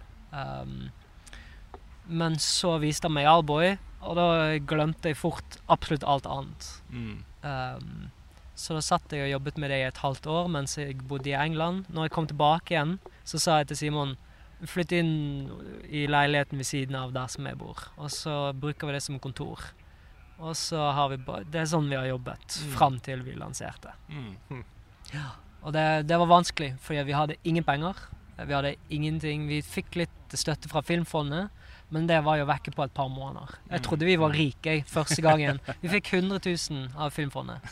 Ja, vekke på Ja, Ja, dere, det dere vet tid. Ja, alt, eh, Ja. om det der. Det er, eh, det er aldri så mye penger som man tror det er. Nei. Det er uh, mye skatt og ting Ja. og tang. Man Mm. får litt sånn dollartegn i øynene, og så Mm. bare realitet. Mm. Men det er på en måte Mitt inntrykk, da, hvis du har lyst til å bli spillutvikler, lyst til å jobbe med å lage spill Med mindre det er din ene passion, Mm. altså det eneste du føler du har lyst til å gjøre med livet ditt, så bare ikke gjør det. Nei. Uh, ikke gjør det. Altså, jeg, jeg fikk et spørsmål om akkurat det når jeg var på konsoll for et par år siden. Og da var det en, en dame som lurte på Hvis du er en 35 år gammel person, hus, kone, barn uh, Alltid sittet med en drøm om å begynne med spill. Ehm, hva, hva, vil, altså, hva vil du anbefale da? Og jeg var, det var før vi hadde lansert Arbo. Jeg var litt sånn Jeg var litt høy på meg sjøl, kanskje. Jeg, var, jeg, jeg sa at jeg hadde bare fyrt på. Jeg. Men det kan jeg ikke anbefale i disse dager. Med mindre en person sitter med sam det ambisjonsnivået som du akkurat nevnte. At de vet at dette her må de gjøre, ellers blir de ulykkelige for Mm. resten av livet.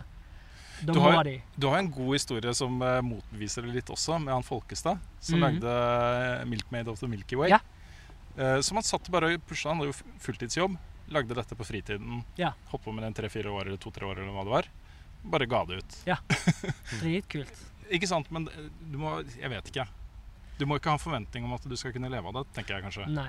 Ehm, jeg tror han gjør det rimelig bra. Han har gjort det bra. Ja. Så jeg vet ikke hvor, om han skal satse på noe videre nå, men det er dritkult at han har bare fått bevist for seg sjøl Mm. at dette her kan funke. Um, det, det er mange som sitter med en drøm, men som ikke har helt det som skal til for å pushe gjennom det. Men de folka, de vet allerede at Mm. det er ikke noe spørsmål, liksom. Ja. Du skal ikke kunne trenge å spørre det spørsmålet engang. Du skal bare gjøre det. Mm. Det er sant. Har du flere spørsmål hos deg, Karl? For jeg slipper litt opp for Ja, jeg har et eh, fra Markus, eh, nei, Marius Eng Grønbekk her. Hei gutta folkens. Som forskere har funnet ut, har spill flere positive effekter hos eldre. Blant annet kan de hjelpe dem å holde hjernen ved like. Har dere noen tips til hva slags spill man kan spille hvis man skal spille med noen som går under betegnelsen eldre?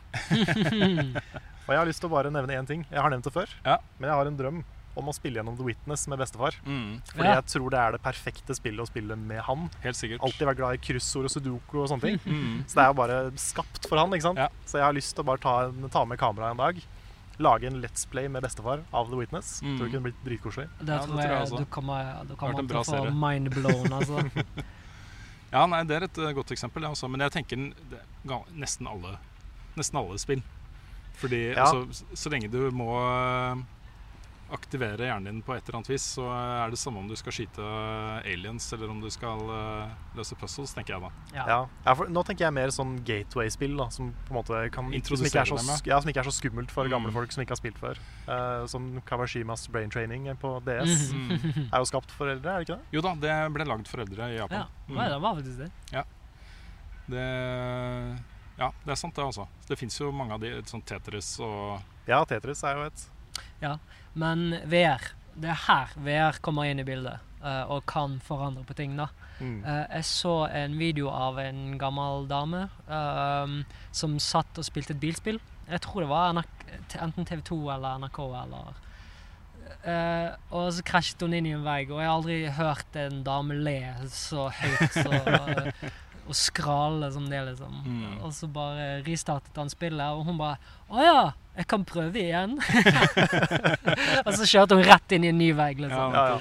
Og det Når, når eldre folk får, altså, skjønner konseptet på den måten der, da, mm. da, har, da, har, VR og spill generelt truffet i blinken. Mm. mm. Også den veldig fine videoen med hun gamle dama helt i starten av VR-headset-bølgen. Som bare fikk oppleve den der, eh, det huset. Som er det veldig veldig tidlige VR-greiene.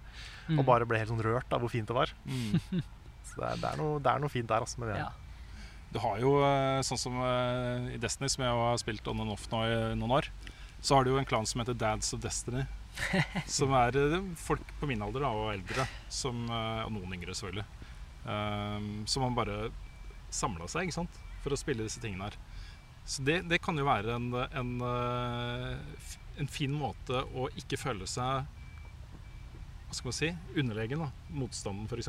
Mm. At man slår seg sammen med folk som er litt på samme nivå som deg selv, og mm. gjør ting sammen. Fordi det er utrolig mange spill som, som ikke er på en måte ikke krever at du er 13 eh, år gammel med lynreflekser. Mm. At du kan kompensere ved å spille smart, f.eks. Ja. Um, og få utrolig mye ut av det. Mm. Ja, og så connect med folk. Ikke sant? Så jeg, um, når jeg kom opp hit, så så jeg en pub nede i byen som het Destiny. Ja da, jeg har vært der. Vi, jeg tror det var gravølet til Destiny ja. 1. Nemlig. Så var det Jon Cato og noen av hans folk som inviterte til gravøl på Destiny. Ja. jeg må fortelle en morsom ting om den kafeen. Fordi helt bakerst der så har du et rom med fire vegger og en dør. Ja. Det er, jeg tror det er en slags sånn DJ-booth, men uh, det er glass og sånt. da ja. Og der har, du, der har du da i knehøyde et hull, og så har du to sånne håndavtrykk. Sånn, Se for deg noen står på ja. knærne ja. med hendene på, hendene på veggen, og noe inni det hullet. Ja, Nei, okay. en, en gulrot. En gulrot, ja, for eksempel. Okay. Ja. Mm. Det er noe av det best Harry har sett noen gang. Ja, det er ganske høyt oppe på Ja. Nemlig. Jeg, uh, ja, greit. Jeg, jeg, var sånn Jeg så inn vinduet halvveis tenkte at der sitter Rune i sin beste Destiny cosplay-drakt og nipper til en gin and tonic. Nei. Den er, uh, det er Destiny som i Harry Destiny. Ja. Mm. som i, som i um, motivational quotes på Facebook Destiny. Oh, ja. Ikke Destiny som i spillet Destiny. Riktig.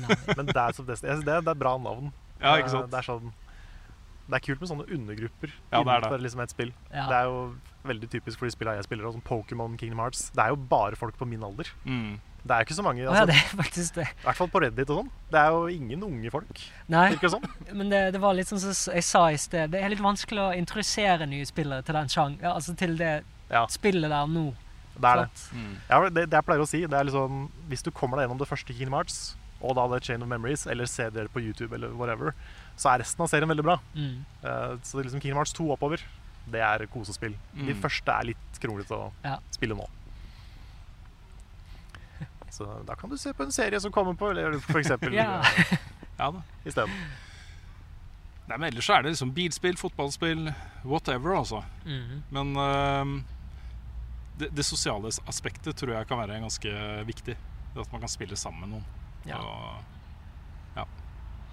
jeg, uh, jeg syns at uh, mobil, mobilspill også har jo åpnet så mye Det fins liksom ikke noen grenser lenger. Det har kommet mye bra der, altså. Ja. Mm. Veldig mye bra. Så uh, ja. Hvis, hvis, man vil introdusere bestemoren sin for noe, Så begynn med Mario. det var der jeg begynte. Altså, Bestemoren min satt alltid i sofaen og så på at jeg spilte Mario som Mm. Og så begynte hun å komme på navn til de forskjellige fiendene. Sånn «Å, Pass opp for han har bøfanten der. Og, Bøfanten. Ja. Hva er bøfant? det er de som kommer ned. Uh, hva er det de heter, da? De som er inne i borgene. eh, Som ser skikkelig sinte ut. Å ja, de, ja. De der uh, Thwomp eh, Thwomp! Ja, Det er det de heter. stemmer. Det er en bøfant. En bøfant. Ja. Ja, og så skrømt det er de der uh, bo boos. Ja, nettopp. Det var Ja, det var farmor. Ja, det er noe i det. 2D Mario er jo det, det er veldig basic Mm. og veldig lett å forstå. Mm. Ja, da er jeg tom for spørsmål. Ja, jeg, jeg tenker vi kan runde av. Det kan vi. Nå er det nesten ikke noe batteri igjen på Supermore heller, så det det passer bra. å hjelpe på, på kamera også, tenker jeg. Mm. Men uh, tusen takk, Remme, for at du tok en liten pause fra ferien din for å sitte og henge med oss. Ja, det er alltid Det koselig å møte dere. Så. Ja, I like måte. Eh, og takk til alle som har sett på. Nå lovte jeg forrige uke at, eh, at neste uke så skulle det bli en helt vanlig podkast igjen med Frida og Carl og tjo og hei. Mm -hmm. skal, jeg skal prøve å love det nå igjen. Ja, ja, fordi Frida har jo fortsatt ferie. Ja. Uh, hun er tilbake da fra neste uke. Så neste uke så blir det en vanlig podkast. Da blir det vanlig podkast. Ja. Um, og så kan det hende at, uh, at disse sommermøtene som vi har hatt uh, nå i sommer, uh, kan føre til at vi videreutvikler det på en eller annen måte. Mm. Ja. For det har vært uh, gøy. Jeg synes det er kult å se, Du er flink til å intervjue, Rune. Så det er kult å se deg litt tilbake i den rollen. Takk. takk. Det er uh, morsomt. Morsomt å gjøre det også. Eh, Jeg vet ikke om jeg kommer til å se denne episoden, men jeg kommer til å se alle andre episoder framover. Jeg liker du ikke å se deg selv. uh, Nei, det Du har ikke blitt vant til det nå også? Nei, jeg er blitt vant med å preike om ting, men Mm. uh, å se seg sjøl preike om ting Det er et eller annet med den bergenser, bergenske dialekten. Når man ser bergensere på TV, så virker det alltid som de skrur opp bergenseren sin 25 hakk. Sånn, eh, jeg kan gjøre det nå. Hvordan går det med deg da, Rune? Har du det bra? Ja, ok. Men uh, du, du er ganske langt unna Hans-Wilhelm Steinfeld også. Ja, det. Ja, dette, dette er behagelig Ja, bergensk. det er behagelig Ja, det er behagelig bergensk. Det er veldig er behagelig bergensk. Men jeg, jeg har sympati, da. Jeg må si det. Fordi det er, det er en grunn til at jeg fortsatt ikke liker facecam. Ja. Så um, det, er- det er, noen ting blir du aldri vant til. Det er Ja, det er sant det. Mm. Tusen takk til alle som backer oss på Patron. Det er uh, utrolig hyggelig av dere, og uh, ja, veldig bra for oss. Veldig bra for oss. Veldig bra for oss. That's why we're here. Ikke sant? Det er sånn vi kan holde på. Mm. Så høres vi igjen og snakkes igjen neste uke.